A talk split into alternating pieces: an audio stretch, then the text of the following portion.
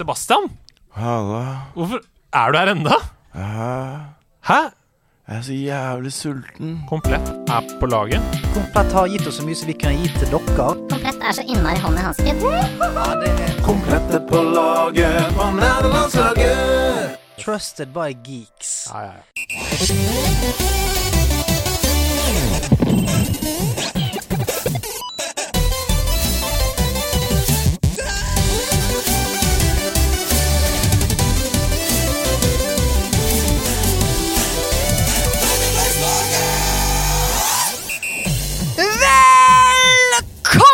Til Nerdelandslaget! Og det er bare å glede seg. Jeg er deres host with the most. Ida Dorthea Horpestad i mikrofonen. Jeg gleder meg til å gi dere et par timer nå med bare god, skjær, eh, gledelig underholdning. Eh, Det er eh, mars, og det er gøy for de som har bursdag denne måneden, for de kan glede seg. Og har du bursdag denne måneden, Andreas Hedemann? Gi meg noe å tro på! Gi meg klipper som ikke blir til sand. Dæven! Er det, dagen, er det dagens Det er dagens catchphrase. Forslag til catchphrase som også kan betraktes som utfordring. Gi meg noe å tro på! Levert med samme trøkk, attitude og kvalitet som Ida Dorthea Horpestad. Åh. Lykke til med det! Tusen takk. Jeg syns du var flink, jeg. Takk, Urdnot Perpleks, altså, som har sendt inn. Du er også med oss, Hasse Hope! Jeg nekter å snakke før jeg blir introdusert, og han er her! Han er her! Jeg snakker aldri I ingen podkaster har jeg noensinne snakket før folk har sagt Ta vel imot Asse Hope. Det er sikkert, men det er jo for så vidt eh, god podd-etikett Ja, ja. For hvis folk, eh, folk lytter, og det er, det er vanlig med poddy at man bruker ørene, ikke mm. øynene. Og da er det viktig at man kan lage seg et bilde i hodet av hvem som er i rommet. Ja, det er sant. Og hvis jeg da hadde snakket, så ville folk sånn Hæ? Hæ? Hvem er han? Det er en, en stemme som bare nå? flyter rundt i Ja, rommet. du er veldig god. Du er veldig god på det. A Eh, Wild Hasse appeared. Thanks. Til de som ikke tok referansen i catchphrasen, gi meg noe å tro på, så er det altså en blomst fra det eminente En, en låt, ikke en blomst, men det er en låt fra det eminente blomstalbumet Blomst i gjeld. Det er- stemmer. Som Ja. jo er bandet jeg eh, spiller i. Ah. Ja, det er veldig hyggelig. bekrefte. Ja, dette kan du bekrefte. Vi er veldig sånn tett og nære og god lyd. Du er litt unna. Altså, Kom litt nærmere, er du snill. Jeg blir forvirra som lytter. Jeg sitter så nærme jeg har lyst til. Jeg, jeg har, faktisk, jeg har eh, råderett over egen kropp. Og kan sitte hvor, akkurat der jeg vil. Ja, men ikke over den mikrofonen, og den skal nærmere ansiktet ditt. det er veldig sant. Ja. Har dere det? Nydelig! Nydelig, nydelig. Uh, apropos uh, musikk, apropos blomst. eh, nå tar jeg, jeg benytter mulighetene så plugger jeg at uh, vi skal spille konsert på Vulkan 14. mai. Oi, naboen her! Yes, så, eh, Og det er, blir et slags tolvårsjubileum. Å, det, er, det, er, det er fint tall. Det er et fint tall. Ja, et snes. Et Nei, snes. dusin, mener jeg. Ja. Et dusin Ja, år. det er et eggete tall, i hvert fall. Eh, så kjøp billetter, og kom og heng med oss, da. Men det er jo helt rått. Da kan man jo først henge her på House of Nerds. Gå Mm. Bort, se på dere. Ja. Bli med bandet tilbake på House of Nerds. Ja, Og kjøpe merch. Kjøpe merch og øl, da. Nei, ikke, det trenger man ikke å kjøpe. Nei, for det er ikke noe vi har. det har vi ikke, det har vi ikke lov til å si. Alkoholfri, mener du? Ja, det kan gjøre det. Mm. Kommer du til å blipe ut det, Andreas? Nei. Nei. Så da får vi heller bli eh, arrestert på det. Tenk om vi blir arrestert at neste episode, mens det kanskje da er noen andre i studio, så kommer da purken med Svarte-Maria. Det, det det er bare det er, eh, det er Stian og Sebastian og en gjest som er her. Ja, Og de blir arrestert! Fordi Andreas dreit seg ut! Gå ut av lokalet. Gå ut av lokalet med hendene over hodet. Sånn. Ja, men sorry, da, Andreas. Vi, vi, vi er på forretningspartnere, Ja, men det må da være lov å preike om litt øl! Altså, Skal det ikke være lov å snakke litt om øl på lufta nå, så? Hva har skjedd med den greia her i Norge? Er det din parodi av Sebastian? Hvis ikke det som, Så Andreas er veldig på at det er riktig ja, parodi. 100 Sebastian også Altså, skal du, Hvis du skal spille Bloodborne, da må du bamrushe. Bamrushe, vet du. For en bra score. Jo, vet du hva, Når jeg lukker øynene mine Ja. Det er Sebastian. Det er Sebastian. Kan du gjøre, kan du gjøre meg? Jeg vet du hva? Når jeg lukker øynene Da, Oi, det ble en sånn nerdete gutt i stedet. Men det er vanskelig å parodiere kvinner. Ja, men vet du hva? Jeg er en jeg, Nei, f- Jeg sitter Jeg ikke. skal, du skal få lov til å ta det med deg hjem. Workshoppet, kom tilbake. jeg skal gjøre det, men ikke, ikke la det gå utover selvtilliten din. Nei. At du tror at du høres sånn ut. Jeg hører ikke sånn det Ok, Dette handler ikke om spill. Nei, ikke. Eh, hvordan har du det, Hasse? Har du det fint? Det høres ut som du har en deilig energi, og du ser jo uh, usedvanlig godt ut. Det har vi etablert mange ganger i dag. Jeg har fått mye komplimenter for det i dag. Mm. Men jeg vil ikke snakke mer om det. Det skal handle om spill, og jeg har spilt masse spill. Men jeg, eh, og jeg er en spillfanatiker. Ja, det er du. ja, det er det. Eh, før vi går i gang til å snakke om hva vi har spilt siden sist, så må jeg bare si et par ting. Og det første er at i morgen, på torsdag, Torsdag! så er det liveinnspilling av Sidequest for første gang. Her på House of Nerds. Oh, Det er gøy. Jeg, eh, det, for de som lurer på hvordan er det Andreas egentlig lager Sidequest, det, det kan dere få muligheten til å se da, i morgen på torsdag. Eh, jeg skal lage episode sammen med en som heter Johanne Kessel. Hun er brettspillansvarlig hos Outland. Ah, gøy. Så for en gangs skyld så skal vi snakke om fysiske spill. Vi skal snakke om hennes fem, topp fem personlige selskapsspillfavoritter. Og det er jeg veldig spent på. Det er veldig kult, for jeg tror også det er meg inkludert. Mange som har lyst til å få gode tips innenfor brettspill. For det er jo så gøy som det kan få blitt. Eh, I tillegg til det så er det også sånn at eh, du, de spillene vi har snakka om, de kan du spille sammen med venner her i lokalet etter at vi har snakka om dem. Say what? For Outland tar med seg masse spill, så, og hvis du vil ta med, med deg hjem igjen, så kan du kjøpe dem til rabattert pris hvis du vil det. Men det, det trenger du ikke. Du kan bare komme hit, spille brettspill, høre på oss snakke om det. Kul, det, er, ku- er ikke det kule greier? Det er, sånn, nesten sånn, det er Jeg- sånn messestemning. Ja, det er, men det er det Ja, det er! Ja. Ja, det er akkurat det der. Og da, da Outland spurte sånn, kan ikke vi gjøre det, så sammenligna jeg med Klubb Kveld i Rusta idrettslag. Som var sånn, her er voks, og her er langrennsski, og det står, nå kan du prøve. Her, her står Oddbjørn Hjelmeset og tester noen staver. Ikke tarmer hjem, da må du kjøpe. Ja, sånn, sånn blir det. Her står Andreas og triller noen terninger. Ikke ta med deg hjem, for da må vi drepe deg. Eh, og så, før vi kommer helt i gang Ja. Fordi det er jo ikke gjest, det er jo bare oss tre. Det betyr at vi kan ta, oss, ta plass til å snakke mer om spill og snakke mer om ting. Hogwarts Legacy, dere. Ja. Det var jo en State of Play-sending i forrige uke, torsdag, som eh, jeg streama på Twitch-kanalen vår på nederlandslaget. Og det ser jo helt crazy ut, det spillet.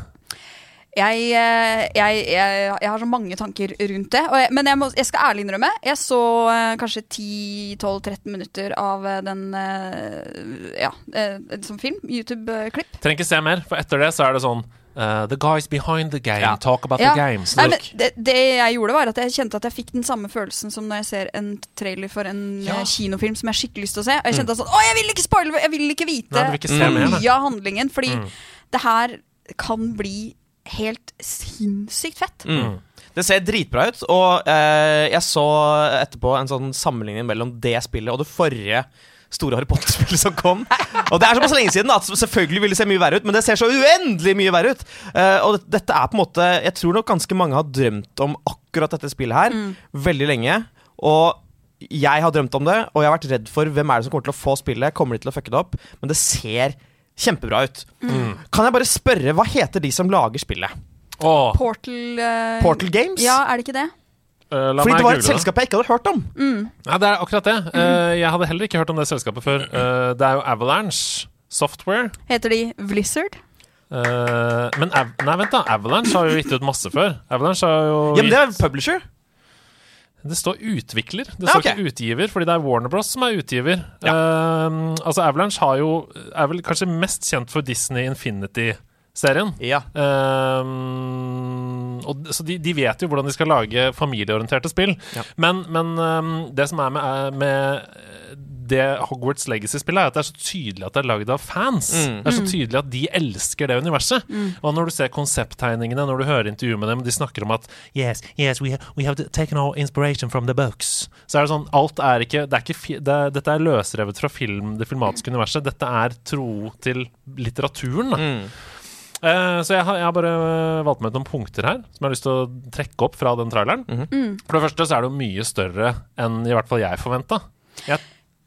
Og jeg, Det største spørsmålet jeg sitter igjen med etter å ha sett det, er uh, jeg, lurer, jeg er så nysgjerrig på hvordan de vekter det. Mm. Eh, blir det her et spill som handler mest om combat? Uh, vil det handle mest om uh, missions og side missions? Mm.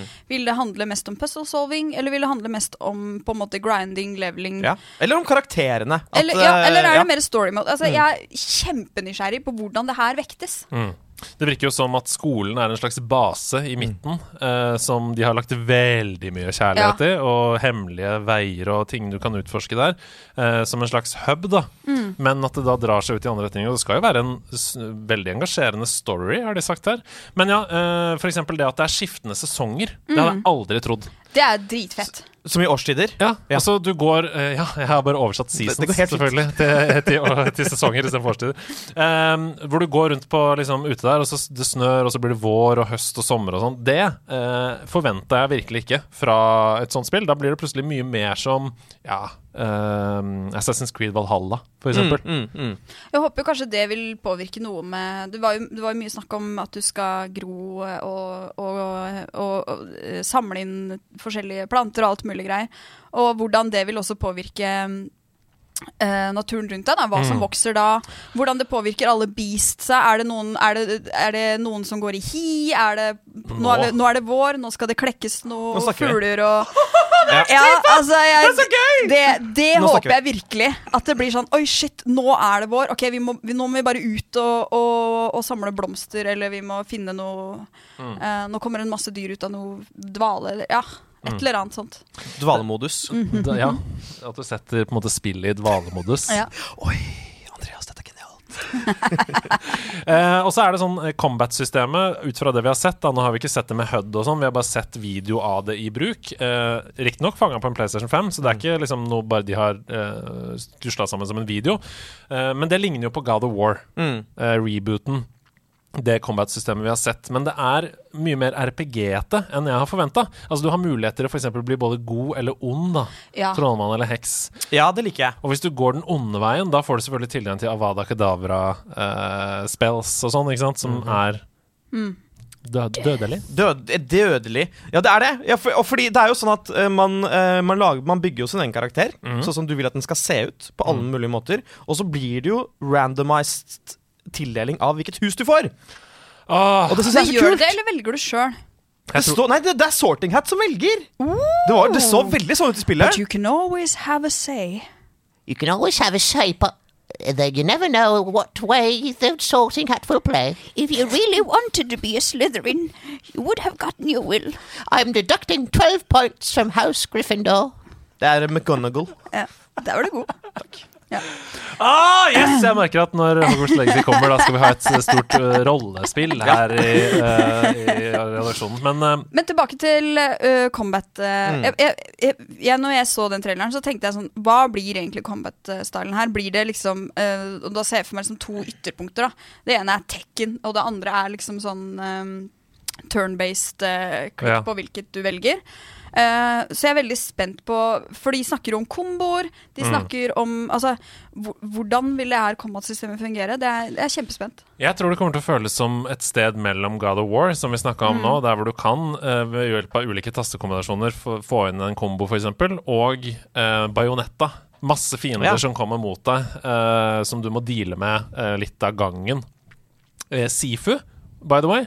Eh, ikke så dårlig sammenligning, der du må på en måte lokke til deg én. Litt Elden Ring også. Ja, ja, ja. Ta ut én av gangen. For At du kan fokus. fort bli overrumplet av for mange fiender på en gang. Ja, Mm. kanskje. Ja, kanskje. Vet ikke, Dette er bare teorier. Men eh, helt til slutt så må vi snakke om den ene egne personlige basen. For de har jo gjort The Room of Requirement, som er en veldig sånn uh, solid ting i bøkene. Det har de lagd til din egen base. Som blir nesten som en litt sånn Sims-greie, hvor du bygger det rommet som du vil. Og det syns jeg er veldig lurt først, for da får du et personlig eierskap til det, og alle får sitt hus, på en måte, som føles som Og det er forskjell på mitt og ditt, da, Hasse. det håper jeg liksom, at det blir sånn. Eh, det eneste som jeg syntes var skummelt da jeg så den traileren, det var at det var cooldown på ting som du lagde der. Sånn at når du f.eks. Uh, gjør klart en plante, så teller det ned fra 20 minutter. Og Det da føles- tenker jo mitt hode med en gang Da er det pay to play. Nei, nei, nei! nei, Det var nei. det første jeg tenkte. Nei. Er det da sånn at jeg kan kjøpe noen diamanter for at det skal gå fortere? Og derfor ble jeg så lykkelig. Det var så latterlig befriende å lese en tweet fra Chandler Wood, eh, som er community manager for spillet, tidligere denne uka her. For de har åpenbart fått mange spørsmål om dette da, av den traileren, og du ser at det teller ned og sånn. We've seen this question coming up and want to set the record straight. There are no microtransactions in Hogwarts Legacy. Ja. Ingen! Det er Deilig. rått. Det er ikke noen! Ja, ja, Ja, ja. det er bra. Ah! Det, det jeg like. Fordi at, men det hadde, da hadde jeg kjent liksom på for Hvis det skulle vært greia, så blir det litt sånn Er det et mobilspill? ja, ja. Ja. Men, men se for dere, tenk om det kommer en, eh, en wizard i løpet av spillet, sånn i midten av spillet, som heter uh, Micronius Transactionist. som er sånn You shall pay 500 kroner, or you shall be locked in this dungeon forever. Hvis de klarer å bake det inn i spillet, da er jeg med. Da er du med. Da er det det. Eller at de da, etter at alle anmelderne har anmeldt det, så kommer det en Ja, eh, patch Ja. som gjør at du må bruke noen diamonds. Diamonds. Kanskje, ja, kanskje det har skjedd. Ja, uansett. Uh, veldig, veldig hypa. Jeg tror vi alle er hypa. Mm. Uh, jeg har sett inne på discorden at de, uh, veldig mange har bytta discord-nick til Harry Potter-aktige nick. Oi. Det er gøy. øh, fordi de ble så hypa etter den, um, den pressekonferansen. Så gå inn og gjør det sjøl. Hvis du har lyst. Jeg skal gjøre det etterpå. Jeg skal gjøre det etterpå. Men da tror jeg vi er primet for å begynne å snakke om hva vi har spilt uh, i det siste. Um, du sa da du kom inn her Mm. Jeg må bare sy det før vi begynner. Ja, bra parodi. Det er, det er mye på det. Ja, det var bra parodi, faktisk. Ja. Uh, jeg har spilt veldig mye ett spill. Så, Jeg har spilt veldig mye ett spill. for, for- fortell. Altså eh, Kan jeg bare si først? Du fikk jo ratt og pedaler Jeg gjorde det. av komplett. Ja.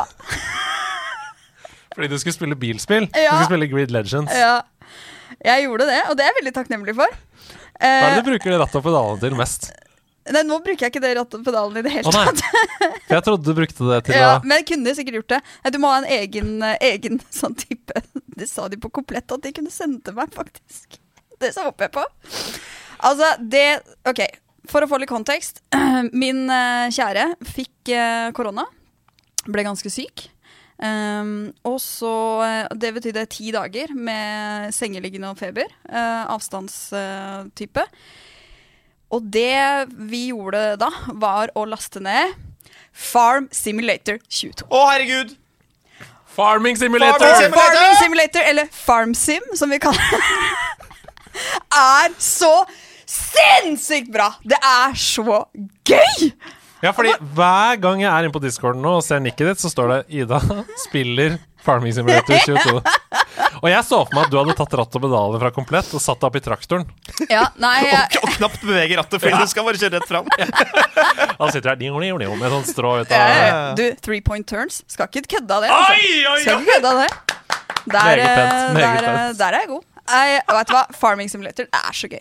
For de som ikke vet uh, hva det er, det er jo da en, en simulator. At du, du leker at du er um, Du starter på et map, og du må kjøpe deg en jordflekk, utstyr.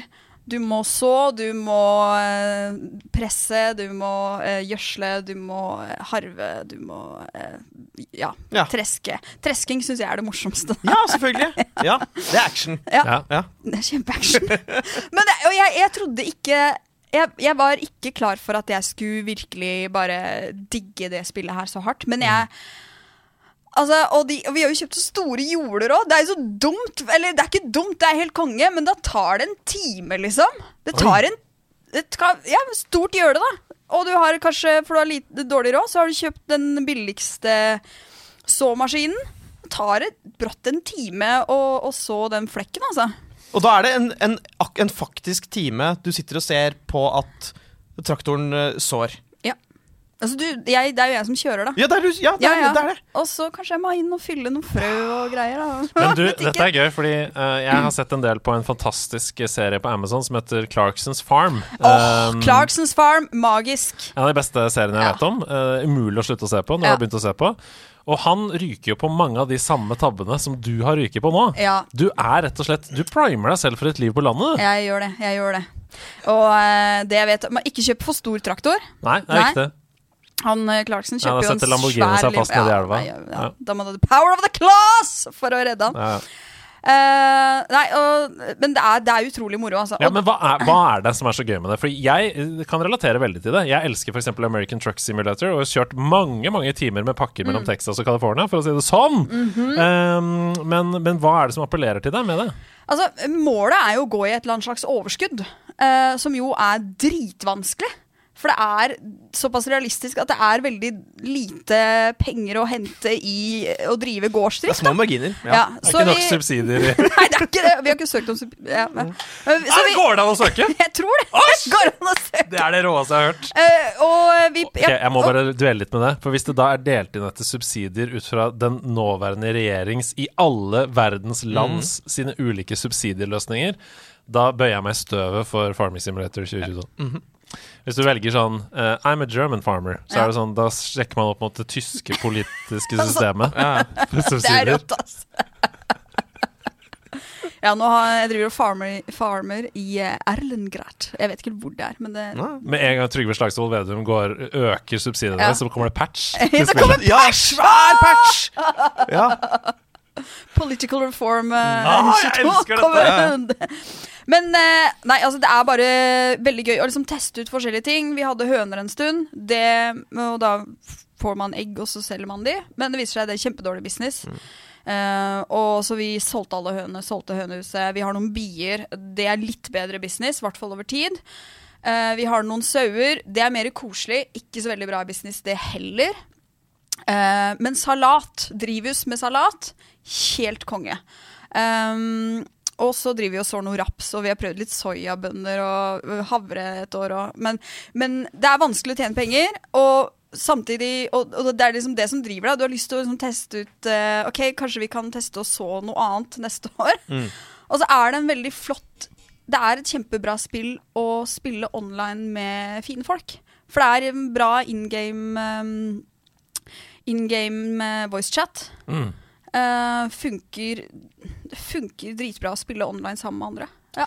Jeg ramla inn i en sånn Twitch-chat hos en uh, uh, jente som også er medlem i nederlandslagskomité. Jeg husker ikke hva hun heter nå, men hun spilte også Farming Sim, og hun sa det samme. At det er et veldig flott, levende Farming Sim-community i Norge. Som hjelper hverandre og gir hverandre tips og kan spille sammen og sånn. Og sånn Ja, min går ligger borti der, kom og kjørende, og sånn. Gøy. Det er superkoselig. veldig Ja.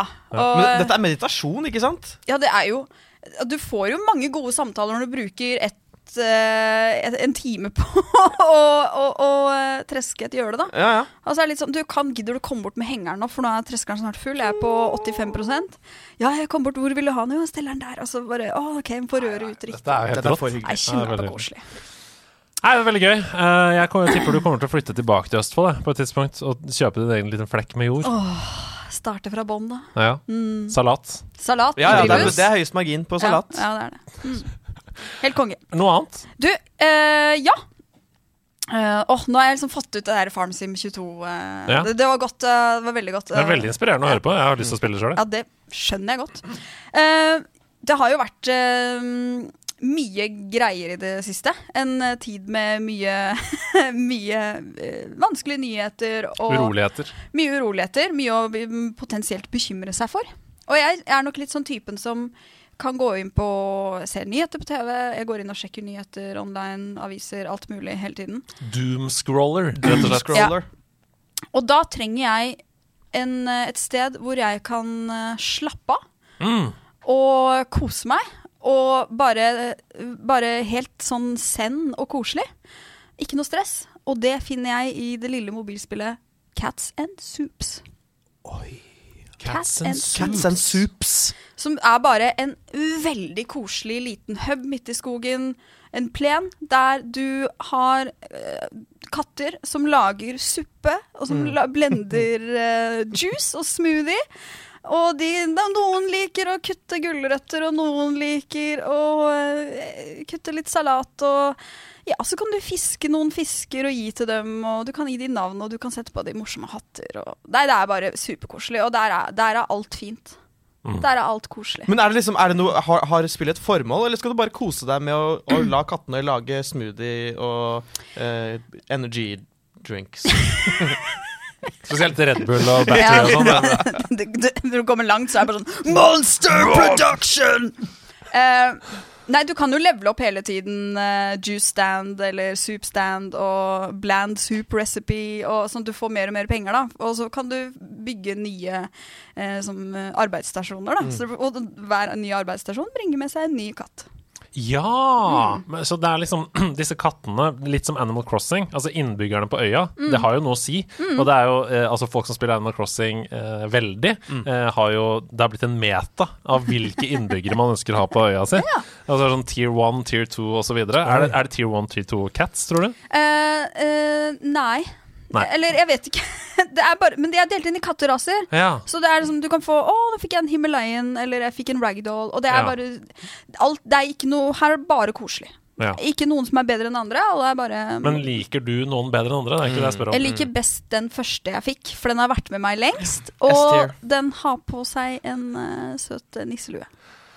Ja, nisselue det er også S-tier. Ja, det er jo litt norsk, da. Han du har tredd eh, godt ned for øynene. Ja. De fleste kattene i Norge har det. Eh, så jeg- koser jeg meg bare jeg meg kasta et blikk bort på chatten her på Twitch. For de som hører på dette i etterkant, vi sitter jo også og streamer dette på Twitch. Du kan gjerne joine oss inn der hvis vi gjør det på tirsdager. Denne episoden kommer ut på onsdager. Fark, vår komponist, har skrevet de er delt inn i kategorier. Takk for meg. Det der er- det er- Åh, det er sånn som jeg liker, vet du. Det er er sånn som jeg liker. Ja, det er strålende. det er kjempebra det er jobba, det, det er noe av det beste. Ja. Eh, Eller så testa Humans Fall Flat. Oi, dere har spilt det òg, ja? Ja. Partygjengen. Du Eh, og din her er det, det er coach co-op for alle penga. Ja. Hva syns du om det? Jeg syns det var gøy eh, Det var gøy eh, noen timer. Og så ble jeg liksom stuck og skjønte ikke helt hva jeg skulle gjøre. Og så kjente jeg at jeg var egentlig ikke inspirert å liksom jeg, prøvde en stund å finne ut av det. Mm. Og så var det sånn Nei, jeg skjønner ikke hva jeg skal gjøre. Og så kjeda jeg meg, og da ga jeg meg. Og så fikk jeg egentlig ikke lyst til å åpne det. Nei, Altså, min erfaring med Human Fall Flat Det er at det er klart morsomst hvis man er en gjeng som er på vors, Mm. for eksempel. Eh, eller feirer bursdag eller noe. At man er liksom fire-fem sammen. Eh, og, og mm, da kan det vare hele kvelden, Ja. liksom. Ja, det kan jeg se for meg. Men eh, jeg tror ikke ja, For min del også, da, så tror jeg det ville blitt liksom eh, kjedelig ganske Ja. fort. Ja, nå løste vi de puzzlesene, og så kom vi til et sted hvor vi ikke kommer videre. Fordi vi på en måte ikke skjønner helt hva vi skal. Og så Ja. Kan dere forklare hva det spillet er? Ja, det er et litt sånn eh, Det er puzzle solving, physics. At du er en slags wobbly mm. menneskeklatt. Eh, og så kan du styre armene. Um, så du, det handler mye om å, å dra seg opp og ta tak i ting og dra de, dytte de. Um, ja, og så rett og slett bare skjønne hvordan du kommer deg videre. Mm. Ja. Veldig okay. enkel Så puzzle. It's Ja. a puzzle game. It's a puzzle. Ja. Ekstremt enkel grafikk. Mm. Og ganske komisk sånn uh, physics på de der menneskene. Ja. Mm. Litt som Manuel Samuel, Ja. hvis du husker det norske lille spillet. Lagd av Åsan Drøsdal, som har vært eh, gjest her i nederlandslaget før. Hei, Aleksander. Hvis du hører på. For ikke å nevne Å, hva heter opp... Åh. Hellheim Hassel! Hele Ja, Hassel, ja, ja, ja. Same, same dude, different rapping. Illustrert av Kristoffer Robin Omdal. Ja, veldig, veldig bra. Er du done da? Med Da er jeg done. Takk for meg. Det var deilig det å høre hva du har spilt. Hva med deg, Hasse? Du, vi skal over til noe he og, og nå over til noe helt annet. Det er veldig, veldig kult. Vi skal Nei, nå, det, var, det var Star Wars. Nå, det ble helt, nå, nå, nå ble det helt annet. Ok. We're going to a place, Oi. the lands between, a place where warriors fight for the one true ring. We're going to a place where the tarnished live. We're going to the Elden Ring. Elden Ring, det stemmer. Fordi her er tingen, mine damer og herren. Nå skal du innrømme noe, rett og slett. Ja, det tror jeg egentlig det jeg skal. Eh, fordi for noen uker siden, jeg lurer på om vi snakker eh, to eller tre uker siden, så skulle jeg streame uh, for nerdelandslaget. Og da var planen min at jeg skulle streame uh, Sifu. Og så får jeg en melding fra Andreas Hedman, som jo på en måte er en ganske sentral del i, i nerdelandslaget. Og han sier at han har fått en tidligkode på spillet The Elden Ring. Som da, utvilsomt, som vi alle vet, er det mest etterlengta spillet uh, på mange, mange mange år. Og så spør han er det, kan du spille det i stedet. Det sammenfalt nemlig med at embargo på streaming av Elden Ring var bare timer før Hasse gikk live. Så jeg vil si at vi i nederlandslaget ville vært en av de få i verden da, som kunne Ja. vise fram Elden Ring. Og det er ganske mange som i min posisjon ville vært sånn Å, herregud, ja, kødder du? Selvfølgelig vil jeg spille det før alle andre! Men jeg er jo ikke spes Jeg har ikke vært spesielt glad i disse uh, Soulsborne-spillene. I hear you. Jeg har prøvd å get the good jeg med Sebastian Brynestad. Jeg har prøvd det, og jeg koste meg fordi jeg satt der med en kompis. Ikke fordi jeg likte spillet noe særlig. Så jeg var litt sånn Ja, Andreas! Ja, det, det kan jeg gjøre! Det blir gøy! Wow. Dette klarte ikke jeg å lese ut fra tekst. Oh. Så jeg, Nei, det nei, er først jeg nå jeg spilte skjønner jo. at Jeg har så lyst til å bli straffa fordi jeg ikke kan spille. Ja, så jeg spilte rett og slett skuespill både for Andreas og for eh, seerne som så på stream. Og spilte dette her i et par-tre timer eh, fra start, og syntes jo det var drita vanskelig. Jeg skjønte veldig lite av mekanikkene. Jeg døde veldig ofte. Uh, men jeg, og, og så hadde jeg det på en måte gøy fordi jeg satt der med chatten, og de kunne på en måte hjelpe meg litt. og sånn mm. De motiverte liksom, motiverte deg veldig. Sånn, du er flink nå! nå det, gjorde, det gjorde dere. Nå snakker jeg direkte til dere. Men da jeg var ferdig, så tenkte jeg hm, Kommer de til å forvente at jeg spiller mer av det spillet her? Fordi jeg vet ikke om jeg gidder det. Nei. Det var ingen forventning om det. ingen forventning om det. Neste dag setter jeg meg ned igjen, fortsetter litt, og så fortsetter jeg litt til. Og så går det fem timer. Oi. Syns fortsatt det er dritvanskelig, ikke så gøy. Så går det ti timer. Oi. Syns fortsatt det er dritvanskelig, men litt mer gøy.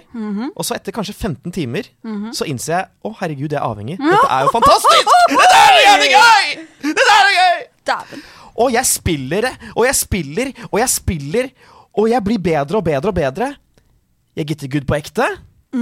Og nå har jeg level 182.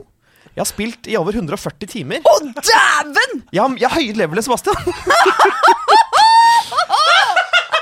altså, jeg har så høy level at det er vanskelig å finne folk i PVP som er dårlig nok til å møte meg. Altså, jeg, jeg har så syke greier, liksom. Jeg har det beste våpenet, jeg har den beste rustningen. Jeg har, altså, og jeg, jeg får ikke nok. Jeg vil ikke det skal slutte.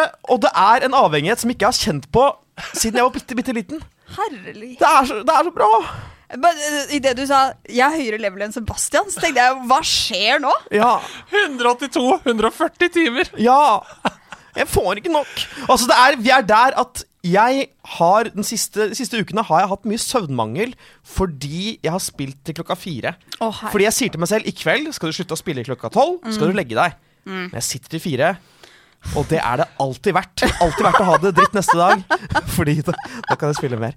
Altså, det, det Den her så ikke jeg komme. Nei, det gjorde virkelig ikke jeg heller. Og jeg har tenkt sånn at dette, disse spillene er utvilsomt veldig bra, fordi det er jo det som er konsensus. Alle anmeldere syns det er bra, folk syns det er bra. Men jeg har tenkt at dette er ikke for alle. Mm. Jeg er sikkert bare en fyr som uh, trenger andre typer spill. Uh, og så viser det seg at nei, det er faktisk så bra det her at, uh, at jeg har blitt hekta. Så nå kommer jeg til å spille gjennom alle de andre Soul-spillene. Uten tvil.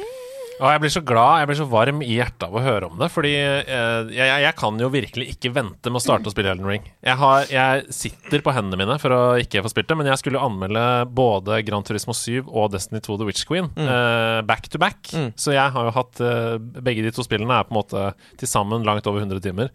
Um, så jeg har jo sittet med det, men nå kan jeg endelig begynne med Elden Ring. Jeg gleder meg så mye. Men kan, kan ikke du vi, altså, det er jo, Du sier du har spilt 140 timer, og alle vet jo hvor enormt stort det spillet er, så det er jo veldig vanskelig å spoile noe særlig ved å snakke om det. Men jeg har lyst til at du skulle liksom um, Kanskje plukke ut noen øyeblikk som er veldig personlige for deg.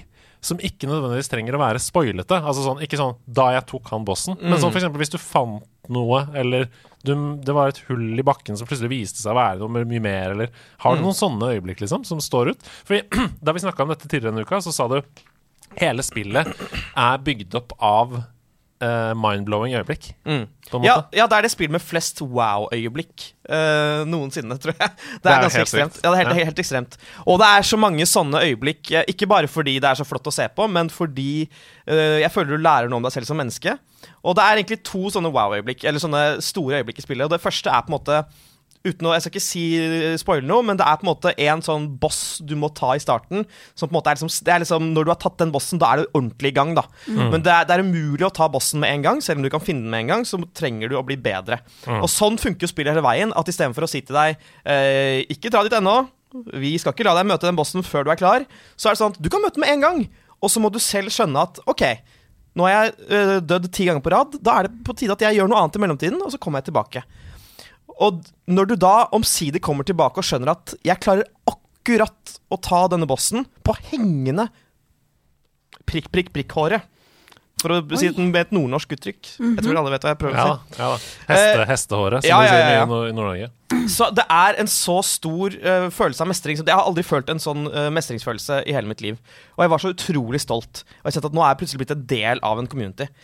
Eh, andre store øyeblikk er mye senere i spillet, og det var rett og slett at jeg møtte en veldig veldig vanskelig boss, og klarte å ta den på første forsøk. For da skjønte jeg at oi, nå har spillet kommet under huden på meg. Nå har det på en måte blitt sånn second nature. Jeg har fått sånn muscle memory som gjør at jeg klarer å lese hva fiendene gjør uten å ha sett dem eh, gjøre ting før. da Ja, ja, ja. og det er bare Det er ingen spill som har gitt meg dette, dette Nei. før. Nei, den samme følelsen jeg fikk, var ved Demon Souls remaster. eh, som jo var første gang jeg spilte Demon Souls. Jeg spilte jo ikke da det kom på PS3. eh, og det var akkurat det samme. Sleit i starten, og så plutselig så var det som et lys som gikk opp, og så bare give, give it to me, liksom. Jeg ville bare ha mer og mer og mer, da. Og jeg spilte New Game Pluss, og det hadde jeg aldri trodd da jeg begynte på det spillet. Så ja, nei, som sagt, jeg kan ikke vente. Ja. Jeg kan relatere, men første gangen jeg skulle ta en sånn three point turn med, med en ny traktor, og så, Og så, så bomma du. så bomma Ja, ja. jeg. Klarte Gang på ikke gang på gang på gang. gang på gang, og så plutselig så bare muscle memory, liksom. Ja, er det fantastisk? Og gjorde bare Det er perfekte striper i hver retning. Jeg gjorde det. Perfekt stripe i hver retning. Men du, eh, 140 timer. Ja! Føler du at du har runda det? Nei, på ingen måte. På ingen måte. Jeg, jeg nærmer meg at jeg kan runde det hvis jeg har Hvis du lyst. vil, okay. eh, men jeg har ikke lyst til å liksom bli helt ferdig med hovedhistorien. Eh, og det er så uendelig mange ting du kan, du kan finne på. Og, eh, og et, et tips jeg fikk fra Sebastian, som er veldig fint, er at hvis du kommer til et nytt område i det spillet Mm. Fordi kartet er helt enormt. Hvis du kommer til et nytt område, bare sett av masse tid til å bare utforske hver krik og krok. Og finn huler og uh, bitte små bosser og, og greier. Uh, uh, bare liksom bruk tiden, fordi det er en sånn meditativ følelse å bare ri rundt og bare oppdage ting. Så bare gjør det, folkens. Nice. Ja, det er nydelig. Ja. Det er det med at du ikke har spilt noe særlig annet. Nei, til neste gang så kommer jeg til å ha spilt masse andre spill, men nå har jeg bare sunket ned i det Vet du hva? hullet der. Spill, spill gjerne bare det også til neste gang. Gjør akkurat som du vil. Det er det som er gleden med nederlandslaget. Uh, innimellom.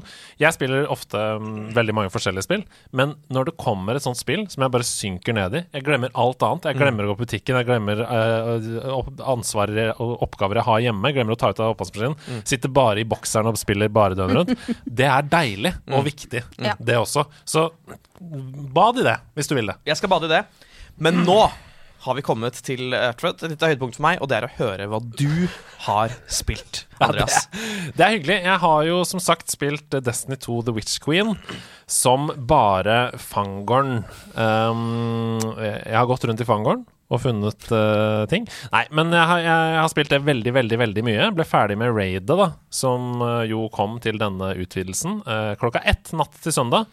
Det tok seks timer å bli ferdig med det fra vi begynte, og det var hvor jeg var guidet av en veldig erfaren Uh, spiller som hadde spilt det før, som visste hva vi skulle i hvert rom. Og likevel tok det seks timer. Oi. Og det sier jo litt om uh, vanskelighetsgraden. Raid er jo sånn at man er seks personer, og alle har spesifikke oppgaver. Og hvis én feiler, så feiler alle. Ja. Da wiper hele laget. på Men måte. det er kult. Det er dritkult, og det var en veldig veldig gøyal opplevelse sammen. Og det var, Vi var tre stykker fra Level Up Community og tre stykker fra Nerdelandslaget Community. Veldig Også sånn fin greie at vi var det. At vi kunne dele og utveksle erfaringer. Og, nei, jeg synes jeg var veldig, veldig koselig. Så det kommer altså anmeldelse av eh, The Witch Queen litt senere i denne episoden. Eh, litt kontroversiell anmeldelse, tror jeg. Det liker vi. Ja, så det blir spennende å høre. Ta gjerne gi feedback på den eh, inne på Discord eller eh, hvor dere måtte eh, høre det. Så det er ikke så veldig mye mer å si om det. Jeg, det anmeldelsen er ti minutter, så det jeg sier alt jeg trenger å si der. Ja. Um, men jeg har også spilt Mario Kart 8. Hei! Og det er jo helt utrolig at jeg har spilt det nå, men det er jo fordi nå har det kommet nye baner. Ja, de har begynt å rulle Ja. uti der, ja. Mm. Og det er altså en utrolig mengde kjærlighet som er nedlagt i det spillet, Mario Kart 8, over uh, alle disse årene. Fra Wii U, altså, og fram til nå. Uh, Mario Kart 8 kom først på Wii U. Gjorde det? Ja. Tenk på det. Ja. Uh, og så kom det til i deluxe edition på, på Ja. Nintendo Switch. Men, Er det her en del av deres Season Pass-greiene som de slapp? Ja. og det koster jo 299 kroner for dette nye season passet. Og i de 299 kronene så får du 48 baner. Det begynner jo på en måte å bli verdt det. Ja, ja, Altså, er du gæren, eller? Det er ballerusk. Dette er jo basically et helt spill til i Ja. spillet, som kommer over tid, da. Fordi eh, allerede så er jo Mario Kart 8 Deluxe det klart mest beefy Mario Kart-spillet. Det er 48 baner der når du kjøper det, men nå kommer det 48 til. Så det vil si at det er 96 baner totalt når alt er ferdig. Eh, de slippes åtte og og åtte av gangen. Eh, to cuper da, med fire baner i hver. Eh, og jeg har testa de åtte nye. Jeg elsker alle de nye. Ja. Alle de nye åtte banene er på hver sine måter kreative. Eh, og masse overskudd. eh, masse nye mekanikker som ingen av de andre banene har. For eksempel så forandrer eh, rundene seg mellom runde 1 til runde 2 til runde 3. Så du kjører på en måte på samme map, men for så sier spillet sånn Så hvis du leder med nesten en runde på noen, da, så kjører de en annen vei enn deg. Og det er, det er kult. Kjempegøy. Eh, og alle disse banene er fantastiske, men Ninja Hideaway er kanskje den aller beste. Ninja Hideaway er bare For første gang så opplever jeg at For i alle Mario Kart-baner så er det liksom noen hemmeligheter og sånn. Hvis du svinger inn der, så kan du f.eks. i 64 mm. hoppe gjennom fossen, så er det en hemmelig snarvei og sånn. På Ninja Hideaway er det kanskje syv sånne. Oi. Men Så- det er, passer jo. Ja, det er nettopp det, det! det, det passer jo. Ja, ja. Og det er sånn, du må vite om det ved, erf ved å få erfaring eller se på YouTube eller sånn, Uh, og følge med på andre CPU-er som du spiller mot, eller, eller andre online. Oi, hvorfor svinger han plutselig hardt i høyre der? Han krasjer gjennom en ildblomst! Det er en hemmelig gang! Gått av banen. Ja, Det er det han gjør, da. Han går Jeg går av banen. Det var derfor det var en god vits. Å ja, det var med vilje. ok. Ja, vi er bare dumme. Vi har Altså. vært dumme. Eh, jeg skjønner ikke hvordan det er mulig å ikke like Mario Kart 8. Jeg skjønner ikke hvordan det er mulig. Fordi jeg blir, Når jeg spiller det, så blir jeg på helt ekte rørt. Men er det noen som ikke liker det? Jeg vet ikke, jeg. Jeg bare sier at jeg skjønner, at det, jeg skjønner ikke at det er mulig. Ja, men det, er- det er vel noen som sikkert er litt sånn sure fordi de ikke har kommet med et nytt Mario Kart-spill. For de har jo på en måte uh, hvilt på Mario Kart 8-laurbærene ganske lenge, som du sier. Mm. I og med at det kom på, på, på, U, nei, på Wii U.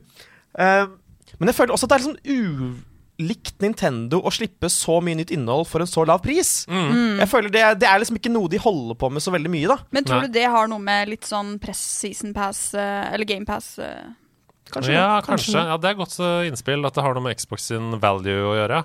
Det eneste som jeg tenker på, er jo at eh, disse nye mapsene, de 48 nye mapsene, som skal komme 8-8 av gangen, Mm. det skal de jo holde på med helt ut til ut 2023. Mm. Som vil si at vi får ikke noe nytt Mario Kart før, Før- tidligst kanskje 2025, Ah. eller noe sånt. Mm. Det er sant. Men og så ja. tenker jeg også på at eh, 299 kroner, hvis du kjøper den nå, Mm. så er jo det eh, mindre enn 299 kroner om to år. Ah. Så det er Inflasjon. Ja, de taper Inflasjon. ikke. Det kan ikke. Nei, jeg, jeg skjønner Ja. Nei, jeg syns det er veldig billig. Det er egentlig det som er Du tror ikke det kommer sånn uh, tidspunkt hvor de sier sånn Ja, nå uh, Litt sånn som festivalbilletter, da. Altså du må være, ha sånn Ja, eh, early tiered. Mm. Ja, at det liksom OK, nå snetter vi snart opp prisen. Da Ja. må du kjappe deg og handle. 1299. Mm. Ja. Kanskje. Tol- Kanskje går 1299 opp er rett opp. 1299. Når det bare er åtte baner igjen. Da koster det 1299. Nei, uh, det er i hvert fall et fantastisk spill. Helt til slutt så Mm. har jeg spilt demoen av et spill som kommer på fredag. Jeg sendte video til dere i går. Jeg har spilt Kirby and The Forgotten Land. Det ser så koselig ut. Altså, Suger det? Apropos Ja, altså det suger helt fra første frame. Mhm. Så suger Kirby. Uh, uh, det er jo det som er hovedmekanikken. Ja. Eh, å suge seg til seier, som Kirby gjør. Nå, vi må nå Ja, men altså, den, Kirby, jeg vet Ja. ikke kjønnet, gjør jo det hele tiden. Steiner skal inn, eh, biler skal inn, brusmaskiner skal inn. Det er det det, inn. det, er det Kirby driver med. Rett i kjeften. Rett i kjeften. eller nebbet, da, som Ja. Stian ville sagt. Eh, og det er en ting som er sikkert og visst, det er at jeg skal spille dritten ut av det spillet! Er det så bra? Jeg elsker det! Oi! Jeg er veldig lettrørt. 140 timer. Nei, det tror jeg ikke du får ut av Kirby and the Forgotten Land. Det tror jeg ikke. Men det er det første 3D-Kirby. Eh, og nå er jeg som sagt veldig lettrørt person, men det kan ha noe å gjøre med at jeg har sittet liksom dypt nede i Savathuns Throne World de siste 50 timene, hvor alt er så mørkt og tungt og vondt, og du får nesten ikke puste fordi det er så skummelt og sånn. Og så møter jeg Kirby, som er verdens søteste karakter, og ser på meg med nydeligste smil, som kommer rett gjennom skjermen mens vedkommende rir på en stjerne og smiler sånn Hei! Forbi kamera. Jeg begynte å gråte. Oi! Wow. For jeg ble så rørt. Ja. Deilig! Det, er så, det er så mye kjærlighet i de spillene, og alle de som lager Kirby, Mario og sånne ting, du ser at de bare Det eneste de er opptatt av, det er at du skal uh, rømme fra virkeligheten Ja. med en god venn som holder deg i hånda hele veien. Så idet Kirby uh, sugde opp en bil, og ble til en bil, Og det er, så, det er jo søtt! og Ja. kjørte rundt med den bilen og krasja gjennom vegger og sånn, da måtte jeg sende video til dere. Jeg sa hvis du ikke blir glad av det her, da blir du glad, da blir du glad noen. Så alle dere som syns det høres gøy ut, jeg tror det absolutt Vi, skal, vi får anmeldekopi av det. Så jeg skal spille Kirby og anmelde det. Um, kan godt hende vi får flere, hvis det er noen som føler seg kallet til å anmelde i redaksjonen. Uh, og så skal jeg si om det er verdt å kjøpe det, da. Men førsteinntrykket på den demoen Jeg, jeg bare si, bare gå og spill den demoen. For den er jo gratis, og du får spilt deg gjennom tre baner og en boss. Så du får spilt ganske mye. Du får et tydelig inntrykk av hva det er. Um, det ligger på Switch Store. Bare last ned. Bare gjør det. Jeg vil også dere skal gjøre det. ja, det er bra at du også ville. Men nå, nå har jeg fortalt om hva jeg har spilt. Men det er jo en til i nederlandslaget som vi ikke har hørt fra på lenge. Ja, det er sant, det. Og han sitter jo rett og slett eh, spillefast på Gran Canaria. Eh, og han har sendt oss et reisebrev. Han oh. Vil dere høre på det? Ja, det vil vi ja. Hallo, laget. Sitter i en uh, utslått sovesofa i Granka. Det gått to uker siden sist jeg eh, spilte et spill.